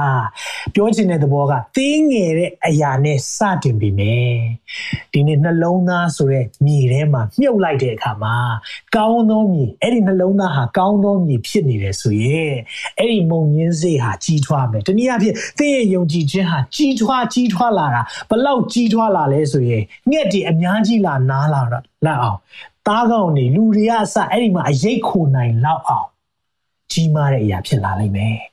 ဒီနေ့ယုံကြည်ခြင်းလို့ပြောတဲ့အခါမှာကျွန်တော်အကြီးကြီးလမ်းတွေ့ချင်ကြတယ်ဟာဒီတယောက်ကယုံကြည်ခြင်းတော်တော်ခိုင်ပါတယ်သူဘလောက်ဖြတ်တန်းခဲ့ရလဲသိမသိလို့သူယုံကြည်ခြင်းလဲ maybe မုံညင်းစီနဲ့ပဲစတာဖြစ်လိမ့်မယ်ဒီနေ့မုံညင်းစီကအဲ့ဒီအချိန်မှာတော့သခင်ယေရှုကဒီအကြောင်းကိုပြောတဲ့အခါမှာ မုံညင်းပင်ကိုသူလမ်းတွေ့လိုက်တာဖြစ်မယ်လို့ကျန်တဲ့ပုဂ္ဂိုလ်တယောက်ပြောတယ်သူဒီအကြောင်းကိုပြောနေရင်တန်လန်းနဲ့ကဲမုံညင်းပင်တွေ့လားဒါပေမဲ့အဲ့ဒီမုံညင်းပင်အာတန်တာတခုရှိတယ်။ concrete တွေပါတွေကိုတောင်ထိုးဖောက်နိုင်တဲ့အစွမ်းရှိတယ်လို့ပြောတယ်။ပြောချင်တာကအပေါ်ကဖုံးထားတဲ့ကြောက်တွေမာကြောမှုဘလောက်ရှိရှိထိုးဖောက်နိုင်တဲ့အစွမ်းရှိတယ်။ထိုနည်း၎င်းပဲတင့်ယုံကြည်ခြင်းဟာသိငယ်ပေမဲ့ အဲ့ဒီယုံကြည်ခြင်းဟာတဖြည်းဖြည်းကြီးထွားလာမယ်အားရှိလာမယ်တနည်းအားဖြင့်တင့်တိုင်းလောက်မလာမယ်ဆိုရင်တော့အဲ့ဒီယုံကြည်ခြင်းကလေ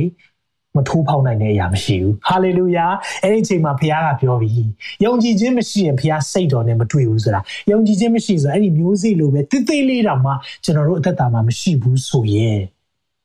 အပင်ကြီးဖြစ်လာဖို့လုံးဝမလွယ်ဘူးဒါကြောင့်ဘုရားကကျွန်တော်တို့ကိုဒီနေ့ဥပမာပေးထားတယ်မုံညင်းစေ့လောက်ရှိရင် ရပြီလို့ပြောတဲ့အခါမှာတိတ်တိတ်လေးပဲရှိတာနဲ့ပြောတာမဟုတ်ဘူးကြီးထွားခြင်းကိုပုံဆောင်တာအစမှတီးကောင်းသေးလိမ့်မယ်ဒီညမှာမုံညင်းစေးလောက်မုံညင်းစေးတစ်ဝက်လောက်ပဲရှိတယ် maybe နှမ်းစေးလောက်ပဲရှိတဲ့ယုံကြည်ခြင်းဖြစ်ကောင်းဖြစ်လိမ့်မယ်ဒါပေမဲ့ဒီနှုတ်ကပတ်တော်နားထောင်တဲ့အခါမှာဘုရားအသင်ကိုလေတဖြည်းဖြည်းစကားပြောလာတယ်ဒါဆိုရင်အဲ့မုံညင်းစေးကဘယ်ထဲရောက်ဖို့လို့လဲ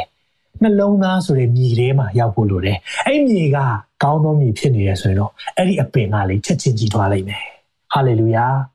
ဒီနေ့ဘုရားရဲ့နှုတ်ပတ်တော်ကြားရင်လည်းထုံနေလကောင်းပဲနှလုံးသားထဲမှာအပင်ပေါက်လာပြီးဟဲ့ဆိုရင်တော့ကြီးထွားတဲ့အပင်ဖြစ်လာလိမ့်မယ်ဒါကိုပုံဆောင်တာဒါကြောင့်မလို့ယုံကြည်ခြင်းရှိတဲ့အခါမှာခံစစ်ပဲမဟုတ်တော့ဘူးသူများလာပြစ်တဲ့မြားကိုကာဖို့ပဲမဟုတ်တော့ဘဲねဒီနေ့အဲ့ဒီယုံကြည်ခြင်းနဲ့သွားတဲ့အခါမှာလေဒီရဲ့လွှားနဲ့ရန်သူကို ရိုက်ရတဲ့အချိန်ရှိတယ်။ကာတဲ့အချိန်ရှိပေမဲ့တွန်းလှန်ရတဲ့အချိန်ရှိတယ်။ဒါကြောင့်မလို့ကျွန်တော်တို့ယုံကြည်ခြင်းကလေယန်သူကိုတွန်းလှန်ဖို့အရာဖြစ်တယ်။ဟာလေလုယာ။တစ်ချိန်တည်းမှာပဲဒါလည်းဆွဲကင်ထားမယ်။ဒါပေမဲ့ကျွန်တော်ဒါအကြောင်းဒီနေ့မရောက်လာသေးဘူး။ဒိုင်းလွှားအရင်ကင်ရအောင်။အာမင်။ဒါပဲပါပြီးဒိုင်းလွှားမပါလို့မရဘူး။နော်ဒိုင်းလွှားပါပြီးတော့ခပန်းမပါလို့မရဘူး။နော်ခပန်းမပဲပါပြီးတော့ဖနက်မပါလို့မရဘူး။ဒါကြောင့်မလို့ခတ်သိမ်းသောလက်နက်တို့အပေါ်မှာထပ်ဆင့်ယူဆောင်ပါတဲ့။ဒါကြောင့် ဒီယုံကြည်ခြင်းတိုင်းလွှာသိရေးကြည့်တယ်ခံစစ်လဲရတယ်တိုက်စစ်လဲရတယ်ဆက်ပြီးတော့ကြည်အောင်နံပါတ်3တင့်ယုံကြည်ခြင်းကြောင့်တင့်နဲ့တင့်ပတ်ဝန်းကျင်လုံခြုံစေသည်တင့်ယုံကြည်ခြင်းဟာတဲ့တင့်ရဲ့ပတ်ဝန်းကျင်ကိုလုံခြုံစေတယ်ယုံကြည်ခြင်းကိုဒိုင်းလွှားနဲ့ခိုင်းနိုင်တာအကြောင်းရှိတယ်ပြောပြမယ်အဲ့ဒီယုံကြည်ခြင်းဒိုင်းလွှားတိတ်ဒိုင်းလွှားကိုစစ်သားတွေဘယ်လိုသုံးလဲတစ်ချက်လောက်ကြည့်အောင်ဆိုတော့ ဒါဘာဘာ view ဟာလို့ခေါ်တယ်လဲဆိုတော့ late ပုံ view ဟာလို့ခေါ်တယ်เนาะဒီမှာ test testudo testudo formation လို့လည်းသုံးတယ်ဆိုတော့ဒီ testudo formation လို့ပြောတဲ့အခါမှာဒီဒိုင်းလွှားတွေကိုတစ်ဖက်ကကာလိုက်တယ်အလဲအလူတွေအပေါ်မှာမိုးလိုက်တဲ့အခါမှာမြားပစ်မယ်ဆိုရင်ပစ်လို့မရတော့ဘူးသူတို့တွေကလိတ်လေးလို့ဖြစ်သွားတာလိတ်ကောင်းဝင်သွားတဲ့အခါမှာလိတ်ခွန်ကြီးမဲ့ကြံတဲ့အခါမှာသူ့ကိုတိုက်ခိုက်တဲ့အခါမှာအခွန်ကြီးမဲ့ကြံတယ်ထိုနည်း၎င်းမဲ့မြားတွေပစ်မယ်ဒါမှမဟုတ်ရင် တော့ဂဲတွေပေါက်မယ်တခုခုနဲ့လုံမယ်ဆိုရင်ဒီမှာဘာတွေ့ရလဲဆိုတော့အားလုံးကကာထားတဲ့အခါမှာ သင်လဲလုံခြုံတာဖြစ်တယ်လို့တစ်ပတ်ဝန်းကျင်လည်းလုံခြုံစေတယ်ဟာလေလုယာဒါပဲလားဒါရှေ့ရစစ်တိုက်တဲ့အခါမှာသူတို့သုံးတဲ့အရာလေးဖြစ်တယ်ဆိုတော့အထူးသဖြင့်သူတို့မြို့ရိုးတွေကိုချင်းကပ်လာပြီးဒီမြို့ရိုးကိုဖြူဖြတ်တော့မယ်တက်တော့မယ်ဟေးလုပ်တဲ့အခါမှာမြို့ရိုးပေါ်ကနေသူတို့လန်နေနဲ့ပြစ်မယ်မြားတွေနဲ့ပြစ်မယ်မီးတွေနဲ့ချမယ်เนาะအဲ့ဒီမှာကြောက်ခဲတွေနဲ့ပေါက်မယ်အဲ့လိုလုပ်တဲ့အချိန်မှာဘာလုပ်ရလဲဆိုတော့စုပေါင်းရတယ်เนาะအဲ့ဒီမှာ keyword တော့ချက်ကပါလဲဆိုတာစုပေါင်းခြင်းစုပေါင်းပြီးတော့အဲ့ဒီ ဒိုင်းလွားနဲ့အားလုံးကိုကာထားမယ်ဆိုရင်အမြဲတမ်းအောင်မြင်ခြင်းရှိတယ်။ဒါကြောင့်မလို့စုပေါင်းခြင်းဒီလိုမျိုးကျွန်တော်တို့တွေအားလုံးပေါင်းလာတဲ့ယုံကြည်ခြင်းဟာအယံခိုင်ပါတယ်ဆိုတော့သိစေချင်တယ်။ဒါပဲလားအဲ့ဒီအရာရှေးခေတ်ပဲသုံးတာမဟုတ်အခုခေတ်လည်းသုံးတယ်။ဒါဆိုသိမကြသေးခင်ကဆန္ဒပြပွဲတစ်ခုကပုံဖြစ်တယ်။ဆိုတော့ဆန္ဒပြတဲ့သူတွေမကြည်နှက်တော့ဂိမ်းနဲ့ရဲတွေကိုပေါက်တယ်။ပေါက်တဲ့အခါမှာရဲတွေကဘာ ပါသုံးလိုက်လေလိတ်ပုံပြူဟာပဲပြန်သုံးတယ်ဒိုင်းလွှားနဲ့ကာထားတယ်စုပေါင်းတယ်ရှေ့ကကာတယ်အပေါ်ကကာလိုက်တယ်အဲ့ဒီချိန်မှာ အကာအကွယ်ဖြစ်တယ်။အဲကြောင့်ဒိုင်းလွှားနဲ့ယုံကြည်ခြင်းကိုဘာပြောတာလဲဆိုတော့ထုံနည်း၎င်းပဲတင့်ရဲ့ယုံကြည်ခြင်းကတင့်ကိုပဲကာပေးတာမဟုတ်ဘူး။တင့်ရဲ့မိသားစုလည်းကာပေးတယ်။ဟာလေလုယာ။တင့်ပတ်ဝန်းကျင်ကိုလည်းကာပေးတယ်။တင့်ရဲ့သင်းတော်ကိုကာပေးတယ်။တင့်ရဲ့ ministry ကိုကာပေးတယ်။တင့်နဲ့တင့်ရဲ့ပတ်ဝန်းကျင်မှာရှိတဲ့သူအားလုံးကိုကာပေးနိုင်တာတင့်ယုံကြည်ခြင်းဖြစ်တယ်။ဒါကြောင့်တင့်ယုံကြည်ခြင်းကိုရှောင်မထွက်နဲ့။အော်ငါတအိမ်လုံးမှာငါတယောက်တည်းရှိတာနော်။တင့်ရဲ့ဒိုင်းလွှားကကာထားမယ်ဆိုရင်တဖြည်းဖြည်းနဲ့တင့်တင်ကနေတင့်ရဲ့ တင်းရဲ့မောင်နှမတွေပြောင်းလဲလာနိုင်မယ်တင်းရဲ့နော်ဇနီးတွေပြောင်းလဲလာတင်းသားသမီးတွေပြောင်းလဲလာမယ်ဆိုရင်တဖြည်းဖြည်းနဲ့အဲ့ဒီဒိုင်းလွားတွေကာခြင်းအပြင်ပတ်ဝန်းကျင်တစ်ခုလုံးမလုံခြုံဘူးလားလုံခြုံတယ်ဘာလို့လဲညီညွတ်ခြင်းလို့လဲဝမ်းနေမှုကောင်းတာယုံကြည်သူတွေကဒိုင်းလွားတွေတယောက်ချင်းတော့ကင်ထားရင်ကင်ထားမယ်စုပေါင်းပြီးတော့မသွားကျင်ကြဘူးသူသဖြင့်မြန်မာလူမျိုးတွေစုပေါင်းပြီးလုပ်တဲ့အရာတိတ်မကြိုက်ဘူးဒီလိုလုပ်ရင်မကောင်းလားဟိုလိုလုပ်ရင်မကောင်းလားဆရာကများနေကြတယ် ဒီနေ့မှာကျွန်တော်တို့စုပေါင်းတဲ့အခါမှာကာပါလှုပ်ထားမယ်ဆိုရင်တော့အားလုံးအတွက်အကာအကွယ်ဖြစ်မယ်ဆိုတာကိုသိစေချင်တယ်။အဲကြောင့်ကျမ်းစာထဲမှာဗာပြောလဲဆိုတော့ဖခင်ကဒီနေ့ကျွန်တော်တို့ကို the body of Christ အားလုံးဟာခရစ်တော်ရဲ့ကိုယ်ခန္ဓာအစိတ်ပိုင်းတွေဖြစ်တယ်။တယောက်နဲ့တယောက်ထားတဲ့ရည်ရွယ်ချက်မတူဘူး။ထားတဲ့နေရာမတူဘူး။ပေးထားတဲ့စုဂျေစု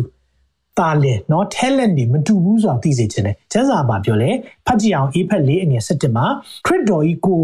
ကိုတော်ကိုတည်တော့တည်ဆောက်၍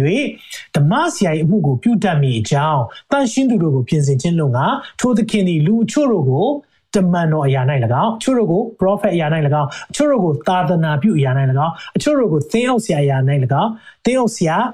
ဆရာအရာ၌เนาะ teacher ကိုပြောတာဖြစ်တယ်အရာတိုင်းတော့ခံထားတယ်အဲ့ဒါကို 54 ministry လို့ပြောထားတယ်เนาะဆိုတော့ငါတို့ရှိမြသည်ယုံကြည်ခြင်းတို့၎င်းဘုရားသခင်သားတော်ကိုတည်ကျွမ်းခြင်းတို့၎င်းတညီတညွတ်ထေရောက်၍ခရစ်တော်ဤပြည့်စုံခြင်း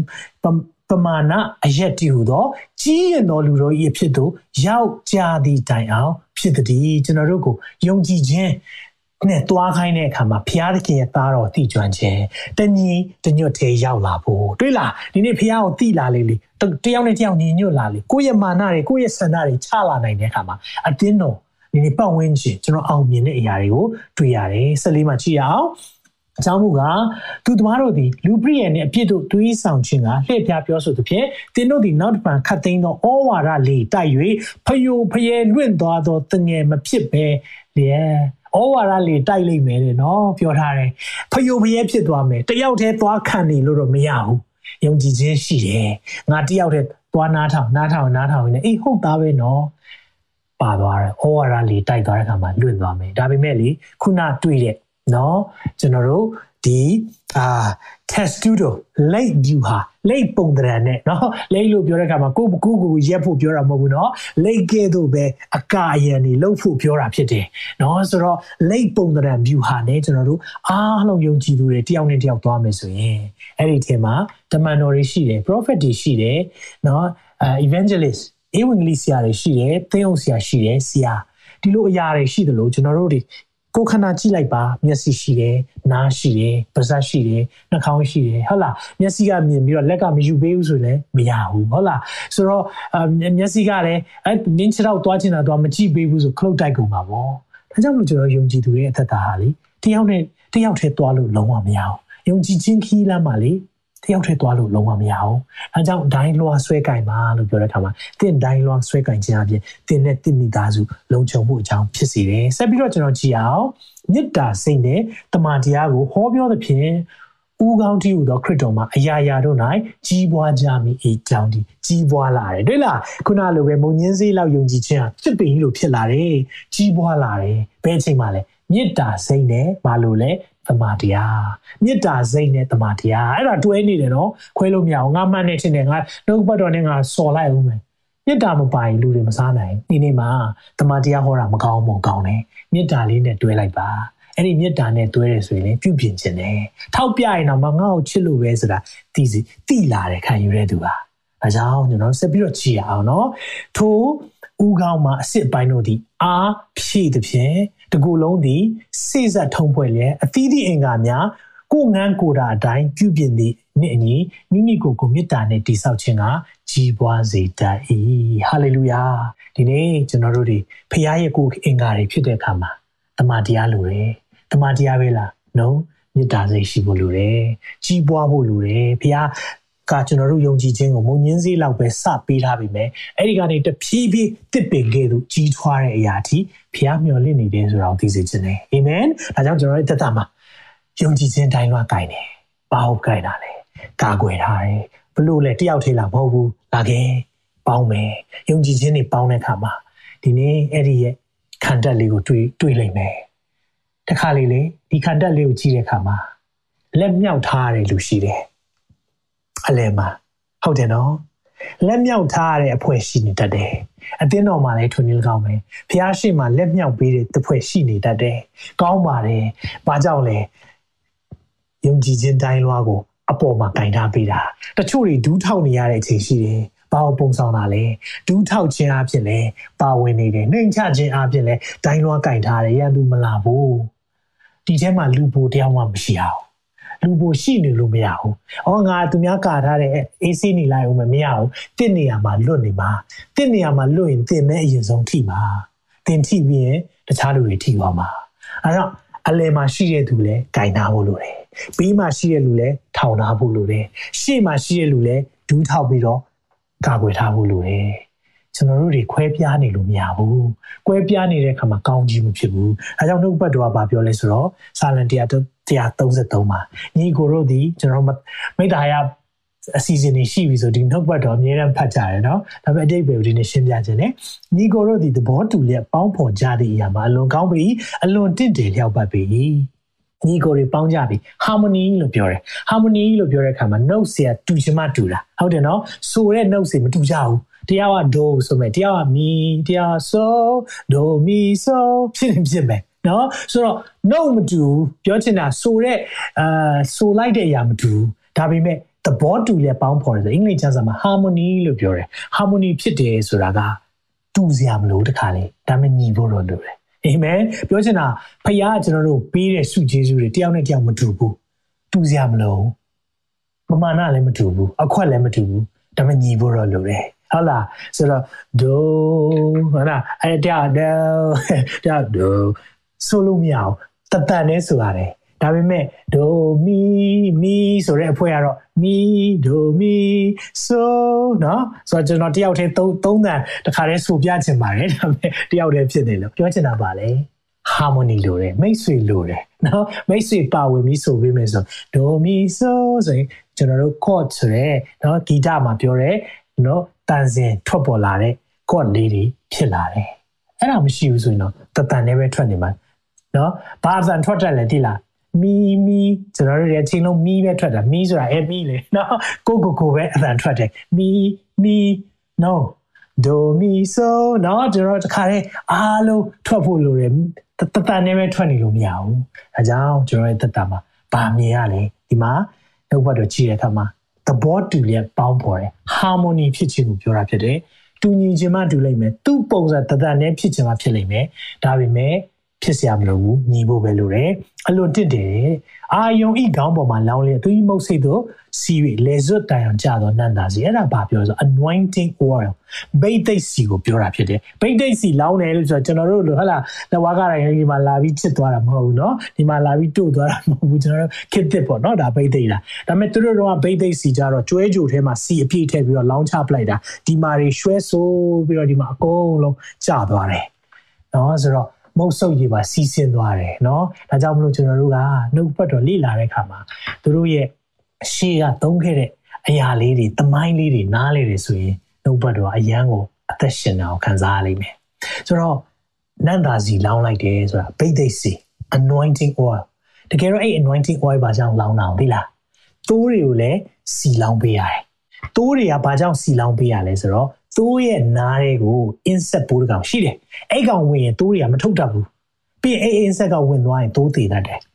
ဆိုတော့သိုးထိန်နေရဘာလုပ်ပေးလို့ရှိလဲဆိုတော့အဲ့သိုးကိုသူတို့ညမအိတ်ခင်မှာခေါင်းကနေစီလောင်းထားပေးလိုက်တယ်တနည်းအားဖြင့်အဲ့ဒီ insect ပိုးကလာပြီးတော့နားလို့မရတော့ဘူးလာနားရင်လည်းချော်သွားတယ်ဘာကိုပုံဆောင်လဲကာကွယ်ခြင်းကိုပုံဆောင်တယ်တနည်းအားဖြင့်ပိတ်သိက်ခြင်းဆိုတာတင့်ကိုကာကွယ်ထားတဲ့အရာ ဖျားဘုံနဲ့လွမ်းခြုံထားတဲ့အရာဖြစ်တယ်ဆိုတော့ဒီနောက်ကပတ်တော်အပြင်သိရတယ်အဲ့လိုဖြစ်လာရင်တဲ့လေစွတ်တိုင်အောင်ကြားတယ်ဟေရမုန်တောင်နဲ့ဇီးုံတောင်ရုပ်ကိုသူကြားတော့နှင်းကဲ့သို့ဖြစ်ထို့သို့နေကြတော့ယနေ့သာရဖျားသည်အစင်အမြဲနော်ဟေမုန်အဲ့ဒီနှင်းဆက်လေးတွေကြီးလိုက်နှင်းမုန်လေးတွေကအံ့ဩဖို့ကောင်းတာသိပ္ပံပညာရှင်တွေကအဲ့နှင်းကြတဲ့နှင်းနှင်းပွင့်လေးပေါ့နော်နှင်းပွင့်တစ်ခုချင်းစီယူပြီးတော့သေချာ microscope နဲ့ကြည့်ရင်နှင်းပွင့်တစ်ခုနဲ့တစ်ခုမတူဘူးတဲ့သင်ကိုးကွယ်တဲ့ဖျားတဘာဝလွန်ဖျားနော် အံ့ဩမှုသိကောင်းတယ်အဲ့နှင်းပွင့်လေးတွေတိတ်သေးလေးဒီတိုင်းရိုးရိုးမျက်စိနဲ့ကြည့်ရင်မမြင်ရအောင်မှန်ဘလူးနဲ့သေချာကြည့်တဲ့အခါမှာနှင်းပွင့်လေးတွေတွေ့တယ်အဲ့နှင်းပွင့်လေးတေးသေးလေးကတခြားတစ်ခုနဲ့တပုံစံနဲ့လုံးဝမဟုတ်အမြဲတမ်းတီးတန့်စီဖြစ်နေတယ်ဒါပေမဲ့အဲ့ဒီတီးတန့်စီဖြစ်တဲ့ဟာအားလုံးစုပေါင်းလိုက်တဲ့အခါမှာဟေရမုန်တောင်နဲ့ဇီယုန်တောင်ကျလာတဲ့အခါမှာယော်ဒန်မြစ်ဖြစ်လာတယ်ဂျော်ဒန်မြစ်တော့ဒီနေ့နားလည်ဖို့ဟာ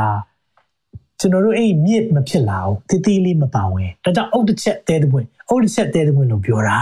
ဒါပေမဲ့ကျွန်တော်တို့ကသူများခေါင်းပေါ်ကျတဲ့အုတ်ခဲမဖြစ်ပါစေနဲ့သူများစားတဲ့ဓမင်းတွေကသဲလေးစားလေးမဖြစ်ပါစေနဲ့ကျွန်တော်အုတ်တစ်ချက်သဲတဲ့ပွင့်ဆိုတာသူများဝါမိတဲ့သဲတို့ဟုတ်လားကျွန်တော်ကျွန်တော်ငယ်တော့ကလဘဲစားတဲ့အခါမှာဝါမိတဲ့သဲလေးတော့ဖြစ်နေတတ်ပြီးတော့ဟုတ်လားသူများခေါင်းပေါ်မှာကျတဲ့အုတ်ဖြစ်နေလဲမကောင်းဒီဟာကိုပြောတာမဟုတ်ဘူး တင်းတော်တိဆောက်တဲ့ခါမှာဖျားရဲ့နိုင်ငံတော်တိဆောက်တဲ့ခါမှာကိုယ့်ရဲ့အခန်းကဏ္ဍသိငယ်ပေမဲ့အားလုံးနဲ့အတူတကွတညီတညွတ်တည်းရှိနေတယ်ဆိုတာသိစေချင်တယ်အာမင်ဒါကြောင့်မလို့အဲ့လိုရှိရဆိုရင်တနည်းအားဖြင့်ညီညွတ်ခြင်းကိုပဲပြောတာညီညွတ်ခြင်းရှိရဆိုရင်တဲ့ဘာပြောတာလဲထို့သို့နေကြတော့ရဲ့ညီတဲ့နေရာမှာဘာဖြစ်လဲသာရဖျားဒီအစင်မြဲအသက်ရှင်ခြင်းခွင့်တည်သောကောင်းကြီးမင်္ဂလာစီရင်တယ်အမြဲတမ်းကောင်းကြီးရှိတယ် မညီညွတ်တဲ့အခါမှာလုံးဝကောင်းခြင်းမရှိဘူးအသင်းတော်ထဲမှာဖြစ်ဖြစ်အိမ်တော်မိသားစုမှာပဲဖြစ်ဖြစ်မညီညွတ်တဲ့နေရာမှာဖះအလုပ်လုပ်လို့မရဘူး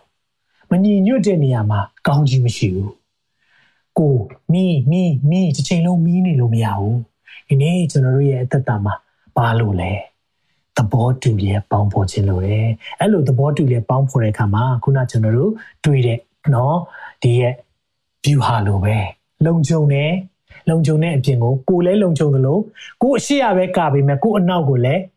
ဖရားကာကွယ်ပေးတယ်တခြားတယောက်ရဲ့ယုံကြည်ခြင်းအပြင်ဟုတ်တယ်နော်ဆိုတော့ဒီမှာကြည့်တဲ့အခါမှာကိုတယောက်တည်းကာနေမယ်ဆိုရင်ကိုအရှိပဲကာမှာအနောက်ကပြစ်မယ်ဆိုရင်သင်ခါရလိမ့်မယ် ဒါပေမဲ့ယုံကြည်ခြင်းနှစ်ယောက်ပေါင်းလိုက်တဲ့အခါမှာကြောချင်းကတ်လိုက်တဲ့အခါမှာသူလဲလုံခြုံတယ်ကိုလဲလုံခြုံတယ်ဒါကြောင့်ယုံကြည်ခြင်းခီးလမ်းမှာသင်ဖို့ရှိဖို့လိုတယ်ယုံကြည်ခြင်းခီးလမ်းမှာသင်နဲ့အတူသွားတဲ့သူရှိဖို့လိုတယ်ယုံကြည်ခြင်းခီးလမ်းမှာသင်နဲ့သင်မိသားစုအတူတကွရှိနေဖို့လိုတယ်ဆိုတော့ဒီနေ့ခွန်အားပေးခြင်းတယ်ဟာလေလုယာဒီနေ့ဒါကြောင့်ကျွန်တော်တို့ဖာညာတွေဖွဲ့တာဒီရဲ့ vision တစ်ခုမှာကျွန်တော်တို့ပဲသွားနေလို့မရဘူးကျွန်တော်တို့ပဲယုံကြည်နေလို့မရဘူးကျွန်တော်မြင်ထားတဲ့ယူပါယုံတွေနောက်ကိုလိုက်နေတဲ့အခါမှာမိတ်ဆွေပါလာတဲ့အခါမှာကျွန်တော်အရန်လုံခြုံတယ်မိတ်ဆွေပါလာတဲ့အခါမှာကျွန်တော်တို့တွေအတူတကွမြောက်များစွာလှုပ်ဆောင်လာနိုင်တယ်ဟာလေလုယာ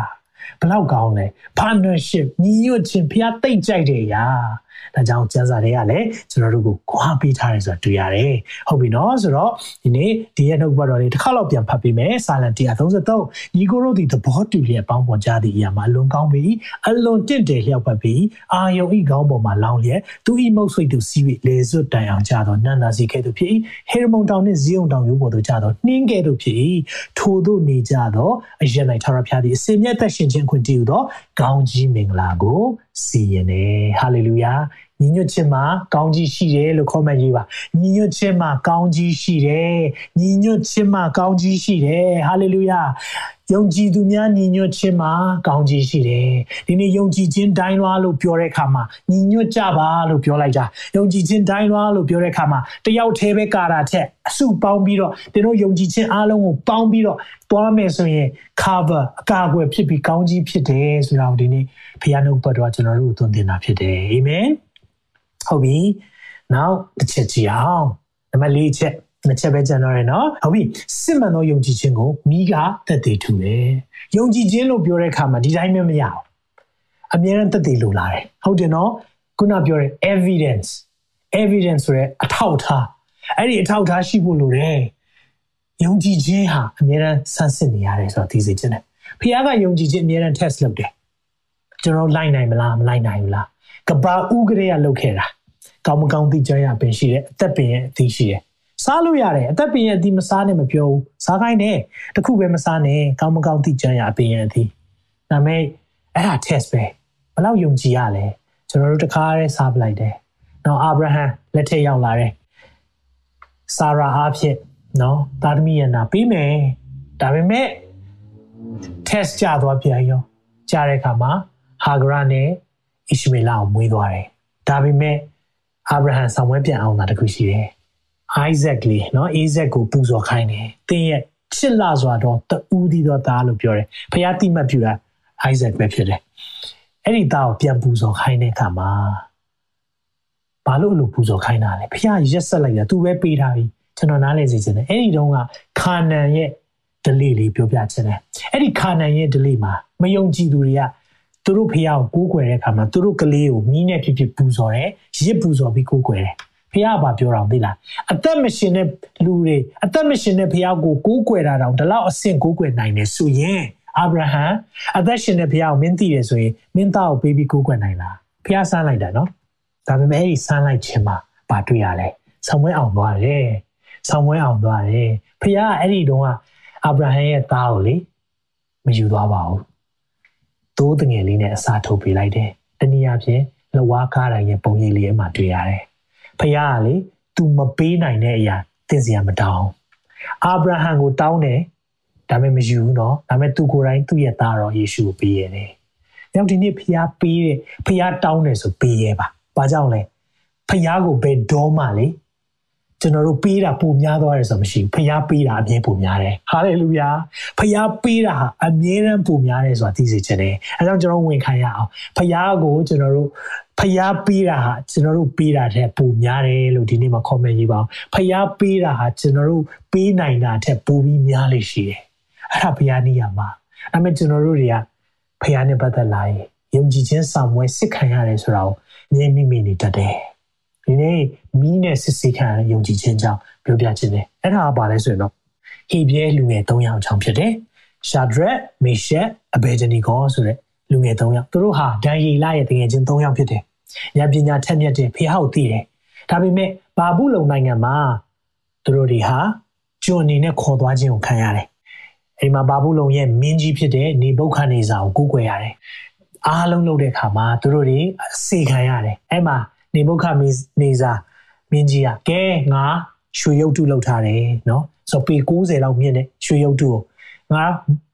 ကိုးကွယ်ရမယ် music တီးမယ် music တီးတဲ့အချိန်မှာတဘိုးမှုတ်တဲ့အချိန်မှာအဲ့ဒီဖះကိုအားလုံးဝတ်ပြုကိုးကွယ်ရမယ်အဲ့ဒီအချိန်မှာပြန်ပြောလိုက်တဲ့စကားလေးကိုကျွန်တော်ဒီရဲ့နှုတ်ဘတော်အဖြစ်ပြချင်တယ်ဒိုင်လအနာဂတ်ကြံခန်းကြီး3ငယ်16မှာရှာဒရက်မေရှက်အဘယ်နီဒီဂေါတို့ကလည်းအရှင်မင်းကြီးနေဘုခနေစာအကျွန်ုပ်တို့သည်ဤအမှု၌ ပြန်လျှောက်ရမည်အကြောင်းမရှိပါပြောချင်တာကိုတော့ပြန်ပြောစရာတော့ဘာမှမရှိပါဘူးဒါပေမဲ့သူတို့ပြန်ပြောလိုက်တယ်အကျွန်ုပ်ကိုးကွယ်သောဖရာဖျားသခင်သည်မီးလောင်လျက်ရှိသောမီးဘိုထဲကအကျွန်ုပ်တို့ကိုကယ်လွတ်နိုင်တော်မူ၏ဖျားကျွန်တော်တို့ကိုကယ်နိုင်တယ်ဒါပေမဲ့အမှမပြီးသွားဘူးယုံကြည်ခြင်းရှိတဲ့သူတွေရဲ့အကြောင်းကိုပြောပြမယ်နော်ကိုရောဤလက်မှလည်းကယ်လွတ်တော်မူလိမ့်မည်ကယ်မယ်ဆိုတာယုံတယ်မမြင်သေးတဲ့အရာကိုတိမှတ်ဆွဲလန်းတယ်ကယ်ပြီလားအဲ့ဒီအချိန်မှာမကယ်သေးဘူး မျော်လင့်တဲ့အရာကိုမျက်မှောက်ပြုနေတာမျော်လင့်ထားတယ်ဖျားကယ်မယ်လို့ဒါပေမဲ့သူတို့စိတ်ထဲမှာမျက်မှောက်ပြုတယ်ဆိုတာအဆိုင်ခဲဖြစ်မြင်နေပြီကိုရောလက်မှကယ်လိုက်မယ်မီးတွေကလည်းကယ်လိုက်မယ်မမြင်သေးတဲ့အရာကိုတိမှတ်ဆွဲလန်းနေပြီနော်အဲ့ဒီအချိန်မှာဆက်ပြောလိုက်တယ်အငယ်ဆက်ရှစ်အဲ့ဒါတကယ်ယုံကြည်ခြင်းရဲ့ statement ထို့သောကယ်လွတ်တော်မမူတော်လဲမကယ်ဘူးဆိုရင်လေအရှင်မင်းကြီးကိုရောဤဖျားတို့ကိုအကျွန်ုပ်ဝတ်မပြုပါ တင်ထားတော်မူသောရွှေရုပ်တုကိုမကိုးကွယ်ပါဟုပြန်လျှောက်ကြ၏သူတို့သိတယ်အသက်ရှင်တဲ့ဖျားရှိတယ်ဆိုတော့သူသိပြီးသားအဲ့ဒီဖျားကသူတို့ကိုအီဂျစ်ပြည်ကနေကယ်နှုတ်ခဲ့တယ်ဆိုတော့သူတို့သိတယ်။ပင်လယ်နီနဲ့ချမ်းခွဲပြီးသူ့ဘိုးဘေးတွေကိုဆောင်ခဲ့တယ်ဆိုတော့သူတို့သိတယ်။အဲ့မှာရှိတဲ့သူတွေအားလုံးကိုဖယ်ရှားပြီးတော့ဖျားကသူတို့ကိုဂတိတော်မြေမှာပို့ဆောင်တယ်ဆိုတော့သူတို့သိတယ်။ဒါပေမဲ့သူတို့စကားနားမထောင်ခဲ့တဲ့အခါမှာဘာဘူးလုံရောက်သွားကြတယ်။ဒါပေမဲ့အဲ့ဒီချိန်မှာလည်းသူတို့ကသိတယ်။ အသက်ရှင်တဲ့ဖျားရှိတယ်။ဖျားကလေအဲ့ဒီမီဒီယာကယ်လိုက်မယ်။မကယ်ရင်လည်းမကူကွယ်ဘူးဗျာ။အဲ့ဒါယုံကြည်ခြင်း။ဒီနေ့ဝင်ကြည့်လိုက်အောင်မယ်လေကင်ကင်မှာပေါ့မကင်လည်းပဲတက်နိုင်မှာလည်းဖျားလို့တော့ပေါ့ဒီနေ့အဲ့လိုမဟုတ်ဘူးမကင်လည်းမကူကွယ်ဘူးဗျာခံယူချက်ရက်တီချက်ပြက်ပြက်တသားသွားတာဒီနေ့မိတ်ဆွေလည်းခေါ်အားပေးခြင်းလေကျွန်တော်အဲ့လိုအချိန်တစ်ချိန်ရောက်လာခဲ့မယ်ဆိုရင် ဒီနေ့ကျွန်တော်ဘယ်လိုစဉ်းစားမလဲဖျားခေါ်အားပေးပါစေအာမင်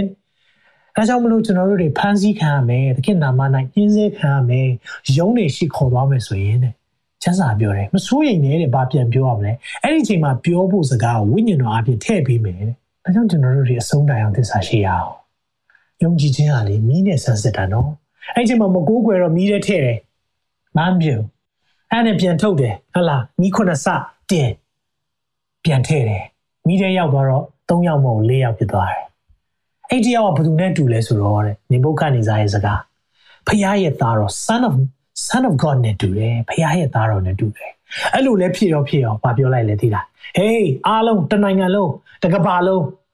ရှာဒရက်မေရှက်အဘယ်ဒနီကိုကိုးကွယ်တဲ့ဖခင်ကိုပဲကိုးကွယ်ရမယ်ဟာလေလုယာဘာကိုပြောလိုက်တာလဲသင်ယုံကြည်ခြင်းရဲ့နောက်ွယ်မှာဖခင်အသက်တည်ထူတဲ့အပြင်အဲ့ဒီယုံကြည်ခြင်းအားဖြင့်လဲဖခင်ဘုန်းတော်ထင်ရှားသွားတယ်အာမင်အာမင်ဒီနေ့သင်သင်သင်ကောင်းစားသွားဖို့လို့သင်ဘုန်းပူထင်ရှားသွားဖို့မဟုတ်ဘူးယုံကြည်ခြင်းခီးလန်းအားလုံးကဖခင်ဘုန်းတော်ထင်ရှားဖို့ပဲ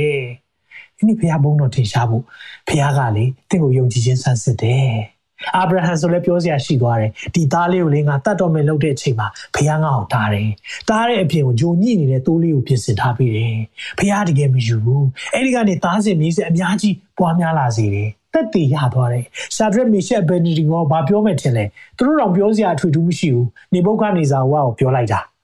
ရှာဒရက်မီရှက်အဘယ်ဒနီကိုကိုးကွယ်တဲ့ဖခင်ကိုပဲအားလုံးကိုးကွယ်ရမယ်မကိုးကွယ်မိတဲ့ချမယ်ဝေါအဲ့ဒီလိုမျိုးအဖြေရဖို့ကလေ သင်သစ္စာရှိဖို့လိုအဖျားပြက်ပြက်တတယုံကြည်ခြင်းပါလေဒိုင်းလွားကိုကာထားဖို့လိုတယ်အာမင်နောက်ဆုံးချက်သွားရအောင်သာရဖျားဟာသင်ရဲ့ဒိုင်းလွားအကွဲကဖြစ်တယ်ဒီနေ့ဒိုင်းလွားတွေအကြောင်းပြောလာတဲ့အခါမှာကျွန်တော်ဒိုင်းတွေကိုကန်ရမယ်ဒိုင်းတွေနဲ့ကာရမယ်မနဲ့လက်တွေ့ကျင့်သုံးခြင်းဒါမဲ့ကျွန်တော်တို့မမေ့သွားစေချင်တာတခုရှိတယ်အဲ့ဒါပါလဲဆိုရင်တော့သာရဖျားသင်ရဲ့ဒိုင်းလွားဖြစ်တယ်သာရဖျားသင်ရဲ့ အကွယ်ကာဖြစ်တယ်ဆိုတာကိုဒီနေ့ခွာပေးခြင်းတယ်ဖျားသာလင်တင့်ကိုကွယ်ကာနိုင်တာဒါကြောင့်မလို့ဆာလန်ဆီယာကလေနှုတ်ဘတ်တော်ထဲမှာဘယ်လိုပြောလဲဆာလန်သုံးခုမြောက်သောဆာလန်ထဲမှာဒီလိုပြောတယ်။အိုထာဝရဖျားအကျွန်ုပ်၏ရန်သူတို့သည်အလွန်တိုးပွား၍အကျွန်ုပ်တစ်ဖက်၌ထသောသူတို့သည်များကြပါ၏။သူသည်ဖျားသခင်ကိုအမိပြု၍ချမ်းသာမရဟုအကျွန်ုပ်ကိုရည်ဆောင်၍ပြောတော်သူအများရှိပါ၏။ကဲ့ရဲ့နေကြတာ။သို့တော်လည်းအိုထာဝရဖျား ကိုရောသည်အကျွန်ုပ်၏အကွယ်အကာ you are my shield အကွယ်အကာကိုရောဟာကျွန်ုပ်အဲ့ဒီမှာကျမ်းစာမှာအကွယ်အကာလို့သုံးတိုင်းဒိုင်းလွားကိုပြောတာ shield ဒိုင်းကိုရောဒီကျွန်ုပ်အကွယ်အကာဖြစ်တော်မူအကျွန်ုပ်ဤဘုံလည်းဖြစ်တော်မူအကျွန်ုပ်ဤဦးခေါင်းကိုချီကြွတော်သူလည်းဖြစ်၏ငါဒီသာရဖျားထံကိုအတန်လွှင့်ရင်အော်ဟစ်သောအခါ တန်ရှင်းသောတောင်တော်ပေါ်မှာနားထောင်တော်မူ၏သာရဖျားသည်ငါ့ကိုမဆတော်မူသောကြောင့်ငါသည်အိပ်ပျော်အိပ်၍ပျော်ခြင်းအခွင့်နဲ့နိုးခြင်းအခွင့်ရှိ၏ဒီနေ့သင်အိပ်ပျော်တယ်နိုးတယ်ဆိုရင်တခြားကြောင့်မဟုတ်ဘူးဖျားရဲ့အကွယ်ကဖျားကတင့်ကိုလေဒိုင်းလွှမ်းနဲ့ကာလာပေးတာသူကိုယ်တိုင်တင့်ကိုမဆာနေတာစောင့်ရှောက်ပေးနေတာငါ့ကိုရံဘက်ပြူ၍ဝင်းရံတော်သူအထောင်တောင်းကိုငါမကြောက်ပဲနေမည်ဒါကြောင့်ဒီနေ့ခေါ်ပေးခြင်းနဲ့ တခြားလူမဟုတ်ဘူးတင့်ကိုကြွယ်ကာနေတာအမြင့်ဆုံးသောထာဝရဘုရားငိုက်မီအိပ်ပျော်ခြင်းမရှိဘူး။တင်းရဲ့လက်ရဖက်မှာလူတစ်ထောင်လက်ဝဲဖက်မှာလူတစ်တောင်းလဲတော်လဲတင်းကိုမထိမခိုင်းရအောင်။ဘယ်ချိန်မှလဲ။ထာဝရဘုရားဟာတင်းရဲ့အကွယ်ကဒိုင်းလွားဖြစ်နေမယ်ဆိုရင်တင်းလုံးချုံလိမ့်မယ်။ဟာလေလုယာ။နေတာဆိုရင်လက်တွေ့မှာဘယ်လိုကျင့်သုံးရမလဲဆရာ။လက်တွေ့မှာဒိုင်းလွားနေ့စဉ်နဲ့အမျှဝိညာဉ်စစ်ပွဲထဲမှာကျွန်တော်သွားနေတယ်။ဒါဆိုလက်တွေ့မှာ ဒိုင်းလွားဘယ်လိုလက်လက်တွေ့ကျင့်သုံးမလဲ။လက်တွေ့ကျင့်သုံးမှုကျွန်တော်ဒီလန်၃ခုကိုပြချင်တယ်အဲ့ဒီနီလန်သုံးခုကပါလဲဆိုတော့ဝိညာဉ်နေ့စဉ်ဝိညာဉ်တိုက်ပွဲမှာဒိုင်းလွားကိုဘယ်လိုသုံးမလဲနံပါတ်1ဘုရားစကားကိုနားထောင်ပါဘုရားစကားကိုနားထောင်ပါဘုရားစကားနားထောင်ခြင်းဟာဒိုင်းလွားဖြစ်တယ်သုတ်တန်30ငယ်ငါမှာဘုရားသခင်စကားတော်ရှိသမျှတို့သည်စင်ကြယ်၏ခိုလုံသောသူအပေါင်းတို့၌ဘုရားသခင်သည်အကွယ်အကားဖြစ်တော်မူ၏အဲဒီမှာပြန်သုံးထားပါတယ် shield ဒိုင်းလွားအကွယ်ကားဖခင်ရဲ့စကားနားထောင်တဲ့သူဖခင်ကွယ်ကားပြီးတယ်။ဒါကြောင့်အသက်ရှင်ခြင်းမှာနေ့တိုင်းဝိညာဉ်တိုက်ပွဲဘလို့ဝင်ရမလဲဖခင်စကားနားထောင်ပါဖခင်ရဲ့နှုတ်ကပတ်တော်ပြောတဲ့အရာလိုက်နာပါအဲ့ဒီလူမှာဒိုင်းလွားမှားထားပြီးသားဖြစ်တယ်။တခါလေဖခင်စကားနားထောင်ဖို့ခက်ပါတယ်နော်။ခက်တဲ့ချိန်ရှိတယ်နားမလည်တဲ့ချိန်ရှိတယ်ဒါပေမဲ့ယုံကြည်ခြင်းဒိုင်းလွားကိုမှားထားဖို့လိုတယ်လို့ဘုရားရဲ့စကားကိုလည်း ကိုတော့ပြောရဲဆိုရင်လုပ်မယ်ကိုတော့ပြောရဲဆိုကျွန်တော်ဆန္ဒနဲ့တော့မကြိုက်ဘူးကျမဆန္ဒနဲ့တော့မကြိုက်ဘူးဒါပေမဲ့ကိုတော့ပြောတဲ့အတွက်လုပ်မယ်သူ့ကိုခွင့်လို့ပါတောင်းပန်ပါဆိုတာကိုတော့ပြောတယ်ဒါပေမဲ့ကျမမလုပ်နိုင်ဘူးဒါပေမဲ့ကိုတော့ခွန်အားပေးတယ်ဆိုရင်လုပ်မယ်ဘုရားစကားနားထောင်တာပါဇက်ကမဆဲပေးမနေနိုင်ဘူးဒါပေမဲ့ကိုတော့မားစားတယ်ဆိုရင်ကျွန်တော်ယုံကြည်ခြင်းတိုင်းလောက်ကြိုက်မယ်ဟာလေလုယာဒီကျွန်တော်ပြောတဲ့စကားတွေပြောင်းသွားလိမ့်မယ် ပြောတဲ့အရာတွေဆက်ဆံတဲ့အရာတွေပြောင်းသွားလိမ့်မယ်။အဲကြောင့်နံပါတ်1ကဖျားစကားကိုနားထောင်ပါ။နံပါတ်2ချက်ကပါလဲဆိုရင်တော့ဖြောက်မှတ်စွာကျင့်ပါ။ဖြောက်မှတ်ခြင်းပါရမီအကြောင်းကျွန်တော်ပြောလာပြီးပြီ။ဖြောက်မှတ်စွာကျင့်ခြင်းဘာကိုပြောတာလဲ84ခုမြောက်သောစာလံ7မှာဒီလိုပြောတယ်။သာရရှင်ဖျားသခင်သည်နေလေဖြစ်တော်မူ၏အကွယ်ကလည်းဖြစ်တော်မူ၏အဲ့မှာအကွယ်ကဖြစ်တယ်လို့ပြောပြတယ်။ဘာကြောင့်လဲအဲ့မှာသာရဖျားသည် ဂျေဇုတော်နဲ့ဘုန်းတည်ကိုပေးတော်မူ၏ဖြောင့်မတ်စွာကျင့်တော်သူတို့အားကောင်းသောအရာကိုညင်းတော်မမူ။ဒါနဲ့ဒါကြောင့်ဖြောင့်မတ်စွာကျင့်နေဆိုသင်ခါပါဖြစ်ပြီးသား။ဒါကြောင့်ဟုတ်ဒီကိုဟုတ်မဟုတ်ဒီကိုမဟုတ်ဖြစ်စေကြပါပြောတယ်။အာသူနဲ့ပတ်သက်ရင်တော့အေးမျက်နှာပြက်စရာရှိတယ်လူမျက်နှာကြည့်မြင်တော့သင်ကာကွယ်ပြောက်သွားလိမ့်မယ်။ဒီနေ့ဖရားရဲ့အကာအကွယ်လိုချင်နေဆိုရင်ဖြောင့်မတ်စွာကျင့်ပါဆိုရဲနံပါတ်1ချက်နဲ့ခွာပေးခြင်းနဲ့နောက်ဆုံးချက်ကတော့ ရှင်လန်းနှလုံးရှင်လန်းစွာချီးမွမ်းပါနေ့စဉ်နဲ့အမျှဒိုင်းလွှားကင်နေဆိုတာနှလုံးရှင်လန်းစွာချီးမွမ်းခြင်းကိုလည်းပြောတာဖြစ်တယ်။စာလံ28ခုမြောက်သောစာလံထဲမှာပြောလဲ။ထာဝရဘုရားသည်မင်္ဂလာရှိတော်မူစေတည်းငယ်6ငါတောင်းလျှောက်သောအတန်ကိုနားထောင်တော်မူပြီးထာဝရဘုရားသည်ငါဤခွန်အားပလာငါဤအကွယ်က shield my shield သုံးပြန်တယ်ဖြစ်တော်မူငါနှလုံးသည်ထိုဘုရားကို ကိုးစား၍ငါ့ကိုစောင့်မတော်မူသောကြောင့်ငါနှလုံးသည်ရှင်လန်းလျက်ရှိဖခင်ရဲ့စောင့်ရှောက်ခြင်းရှိအောင်မှာရှင်လန်းတဲ့တချင်းဆို၍ဂုဏ်တော်ကိုငါချီးမွမ်းမယ်အာမင်ဒါကြောင့်မလို့တချင်းဆိုပြီးဂုဏ်တော်ချီးမွမ်းတာဘာကြောင့်လဲဖခင်ဟာငါရဲ့အကွယ်ကဖြစ်တယ်လို့သိတဲ့လူတွေကတချင်းဆိုပြီးချီးမွမ်းတယ်ဖခင်ဟာငါရဲ့အကွယ်ကဖြစ်တယ်လို့သိတဲ့လူကဖြောက်မှတ်စွာကျင့်တယ်ဖခင်ဟာငါရဲ့အကွယ်ကဖြစ်တယ်လို့သိတဲ့သူကဖခင်စကားကိုနားထောင်တယ်ဖခင်ဟာကျွန်တော်ရဲ့ဒိုင်းလွှားဖြစ်တယ်ကျမရဲ့ဒိုင်းလွှားဖြစ်တယ်လို့သိတဲ့လူကအဲ့ဒီဒိုင်းလွှားကိုအမြဲတမ်းမှားထားတယ်ကိုတယောက်ထဲအတွက်လားမဟုတ်ဘူးညီကိုတွေသဘောတူခြင်းနဲ့ပေါင်းဖော်တယ်အာမင်မိတ်ဆွေဒီနေ့ခွန်အားပေးခြင်းနဲ့အခင်ယေရှုဟာတင့်ရဲ့အကွယ်ကဖြစ်ဖို့လိုတယ်မဟုတ်ဘူးဆိုရင်တော့ကျွန်တော်တို့တွေအခုချိန်ဒိုင်းလွှားတွေကာနေရတယ်နော်ကိုရိုနာဗိုင်းရပ်စ်ကျွန်တော်သိကြောက်တယ် face shield မျက်နှာကာထားတဲ့အကွယ်ကဟုတ်လားနော်ဒီမှာနော်ပိတ်ထားတာရှိတယ် mask အဲ့ဒါတော့ကျွန်တော်နှာခေါင်းနဲ့အသက်ရှူလမ်းကြောင်းတွေမှာကာကွယ်ထားတာမမြင်ရတဲ့ယောဂဘိုးကျွန်တော်တို့ကြောက်တယ်လို့ပဲမမြင်ရတဲ့မာနရဲ့ပြည့်ရဲ့နဲ့တိုက်ခိုက်ခြင်းကိုကာဖို့လေယုံကြည်ခြင်းကိုအမြဲဆွဲကိုင်းပါဘုရားသခင်ကိုသိချစ်လို့ဒီနောက်ပတ်တော်ကြားစေတာဖြစ်တယ်ဒီနေ့တည့်ရဲ့သက်တာမှာကျွန်တော်ကျမဘုရားရဲ့အကွယ်ကမရှိဘူးလို့ခံစားရဆိုရင်တခုလို့ဖို့လိုတယ် သခင်ယေရှုကိုကယ်တင်ပါရှင်နဲ့ရှင်သခင်ဖြစ်ဒီနေ့ညမှာဝန်ခံဖို့လိုတယ်ဒီနေ့မှာခုအချိန်မှာသခင်ကျမဖြစ်တယ်ကျွန်တော်ဖြစ်တယ်ခွင့်လွှတ်ပေးပါကိုရောရဲ့အကွယ်ကအောက်မှာသွားခြင်းတယ်ဆိုကျွန်တော်ဆုတောင်းပေးခြင်းတယ်ဟာလေလုယာဘုရားသခင်ကိုသိချစ်တယ်ဘုရားသခင်ကိုကာကွယ်ပေးထားခြင်းတယ်ဒါပေမဲ့အဲ့ဒီကာကွယ်အောက်မှာသင်ရှိနေဖို့ကဘုရားရဲ့သားသမီးဖြစ်ဖို့လိုတယ်ဘုရားသခင်ကိုမဆာလိုက်မယ်လမ်းပြလိုက်မယ် သင်ဘက်ကနေဘုရားရဲ့ကိုယ့်ရဲ့တက်ကြွခြင်းကိုကာထားမယ်ဆိုရင်တော့မလုံခြုံဘူးသင်ပညာရေးနဲ့ကာကြည့်ပါကျွန်တော်လည်းကာဘူးတယ်ငါပညာတတ်တယ်ငါလုံနိုင်တယ်ခဏပဲရတယ်ငါအလုပ်ကောင်းတယ်ငါအလုပ်ဝင်ငွေတောင်းတယ်ခဏပဲရတယ်ဒီຢာတွေမတည်မြဲဘူးအဲ့ဒါမလုံခြုံကျွန်တော်တို့ကာကွယ်မဖြစ်ဘူးငါတို့ဆွေမျိုးတောင်းတယ်ငါတို့အတိုင်းဝိုင်းကြီးတယ်ငါတို့အဖေမေယာတို့ရှိတယ် အဲ့ဒီအကာအကွယ်အောက်မှာသင်ရှိနေဆိုဒါမလုံခြုံဘူးနော်မိတ်ဆွေကျွန်တော်ကိုယ်တိုင်အဲ့ဒီအနောက်မှာရှိခဲ့တာဒါပေမဲ့ကျွန်တော်သိသွားတယ်ကျွန်တော်တကယ်ကာကွယ်ပေးနိုင်တာသခင်ယေရှုဖြစ်နေတာကျွန်တော်တကယ်လုံခြုံစွာဝတ်ထားတာဘယ်လိုလဲဆိုတော့ဖခင်ပဲညောင်မိတ်ဆွေကိုဒီနေ့ခေါ်အားပေးခြင်းနဲ့ဖခင်ရဲ့အကွယ်ကာထဲမှာသင်ရှိနေခြင်းနဲ့ဆိုရင်တော့ကျွန်တော်ဆုတောင်းပေးခြင်းနဲ့အားလုံးမျက်စိမိတ်ပါကောင်းကောင်းပါကျွန်တော်နောက်ကနေ ဝန်ခံစေခြင်းနဲ့သခင်ယေရှုကိုကယ်တင်ပါရှင်နဲ့အရှင်သခင်ဖြစ်တဲ့လက်မခံထားဘူးဆိုရင်တော့ဒီနေ့ဟာအကောင်းဆုံးဖြစ်တယ်ဒီအချိန်ဟာအကောင်းဆုံးဖြစ်တယ်။ကျွန်တော်နောက်ကလိုက်ဆိုပေးပါ။သခင်ယေရှုခရစ်တော်ဖခင်ကျွန်ုပ်ဟာဖြစ်သားဖြစ်ပါတယ်ကိုယ့်ရဲ့ကောင်းမှုကုသိုလ်ကြောင့်ကိုကိုကိုကာကွယ်နိုင်မယ်လို့ထင်မိပါတယ်ကိုယ့်ရဲ့တတ်ကြွမှုတွေကိုယ့်ရဲ့ပိုင်ဆိုင်တဲ့စီစဉ်ဥစ္စာတွေကကိုကိုကာကွယ်ပေးမယ်လို့ထင်မိပါတယ် ကိုယ့်ရဲ့အတိုင်းဝိုင်းတွေမိတ်ဆွေတွေယာတူးတွေကကာကွယ်ပေးနိုင်မယ်လို့ထင်မိပါတယ်သို့တော့ထိုအရာများဟာကျွန်ုပ်ကို အကာအကွယ်မပေးနိုင်ပါကိုရောရဲ့အကာအကွယ်ပေးခြင်းကိုဒီနေ့မှာဝန်ခံချင်ပါတယ်ကျွန်ုပ်ပြအားလုံးကို ခွင့်လွှတ်ပေးပါလဝါကားတိုင်းပေါ်မှာကျွန်ုပ်ရဲ့အပြစ်အားလုံးအတွက်အပြစ်ကြွေးဆက်ပြီးတော့ကိုရောရဲ့ဘုန်းတော်နဲ့ ကျွန်ုပ်ကိုကျွမ်းချုံထားပြီးပြီဆိုတာကိုဒီနေ့မှာယုံကြည်ပါတယ်ဝန်ခံပါတယ်အပြစ်တရားရဲ့အခါဟာတည်ခြင်းဖြစ်ပေမဲ့ယုံကြည်ခြင်းကြောင့်ဂျေဇုတော်အဖြစ်ကယ်တင်ခြင်းရောက်ရလို့ဂျေဇုတင်တယ်အသက်တာကိုလက်ဝဲနိုင်အနန္နဲ့တပါးဒီတော်သားတော်မြတ်ယေရှုနာမ၌ဆုတောင်းပါ၏အာမင် အာမင်နောက်တစ်ဖွဲ့အတွက်လည်းကျွန်တော်ဆုတောင်းပေးခြင်းနဲ့ခရစ်တော်တော်ကယ်တင်ပါရှင်နဲ့ရှင်သခင်ပြည့်တဲ့လက်ခံပြီးပြီးတည်ပြီးပြီးဒါမဲ့တင်းရဲ့အသက်တာမှာခုနကျွန်တော်ပြောခဲ့တဲ့ကိုယ့်ရဲ့ကာကွယ်ထားတဲ့အရာကိုယ်အလုပ်ဖြစ်နေတဲ့လူတွေရှိတယ်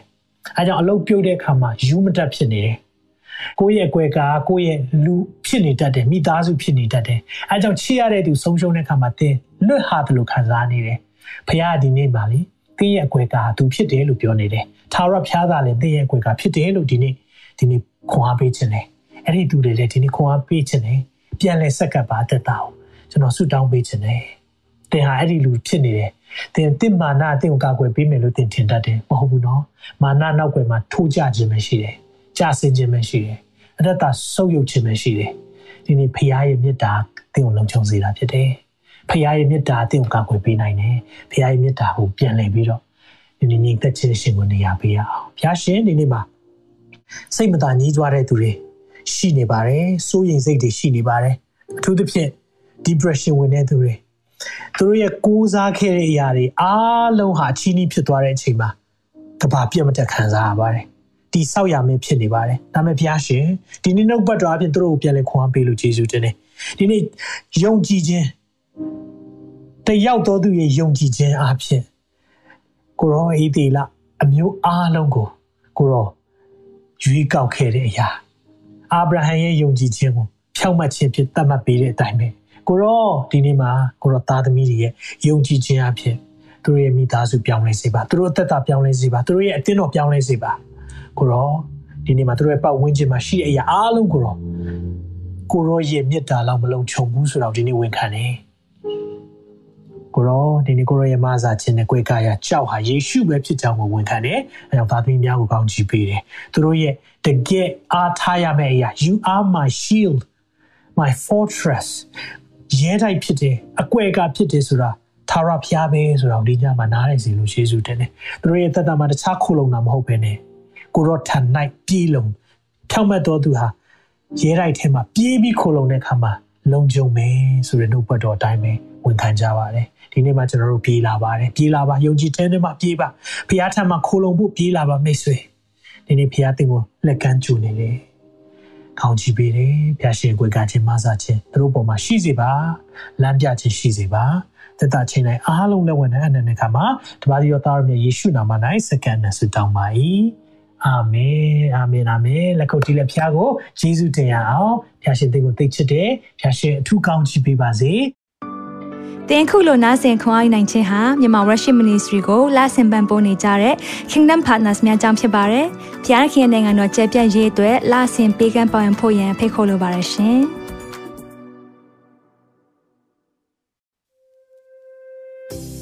။အခုကြားနာခဲ့ရတဲ့နှုတ်ပတ်တော်အဖြစ်ခွန်အားရရှိမဲ့လို့ယုံကြည်မျှော်လင့်ပါတယ်။ခွန်အားရဆိုလို့ရှိရင်ဒီတစ်ပတ်နဲ့ပြန်လည်ဝင်မြပေးဖို့ရန်တောင်းဆိုပါရစေ။ မြန်မာ Worship Ministry ရဲ့ website myanmarworship.com ကိုလည်းလာရောက်လေ့လာဖို့ရန်အတွက်ဖိတ်ခေါ်ချင်ပါတယ်။တချိန်ထဲမှာမြန်မာ Worship Ministry ရဲ့ social media platform များဖြစ်တဲ့မြန်မာ Worship YouTube Channel, မြန်မာ Worship Facebook Page နဲ့မြန်မာ Worship Instagram များကိုလည်းလာရောက်လေ့လာဖို့ရန်အတွက်ဖိတ်ခေါ်ချင်ပါတယ်။နောက်တစ်ချိန်မှာပြန်လည်ဆုံတွေ့ကြပါစို့။ဖျားရှင်ကောင်းကြီးပေးပါစေ။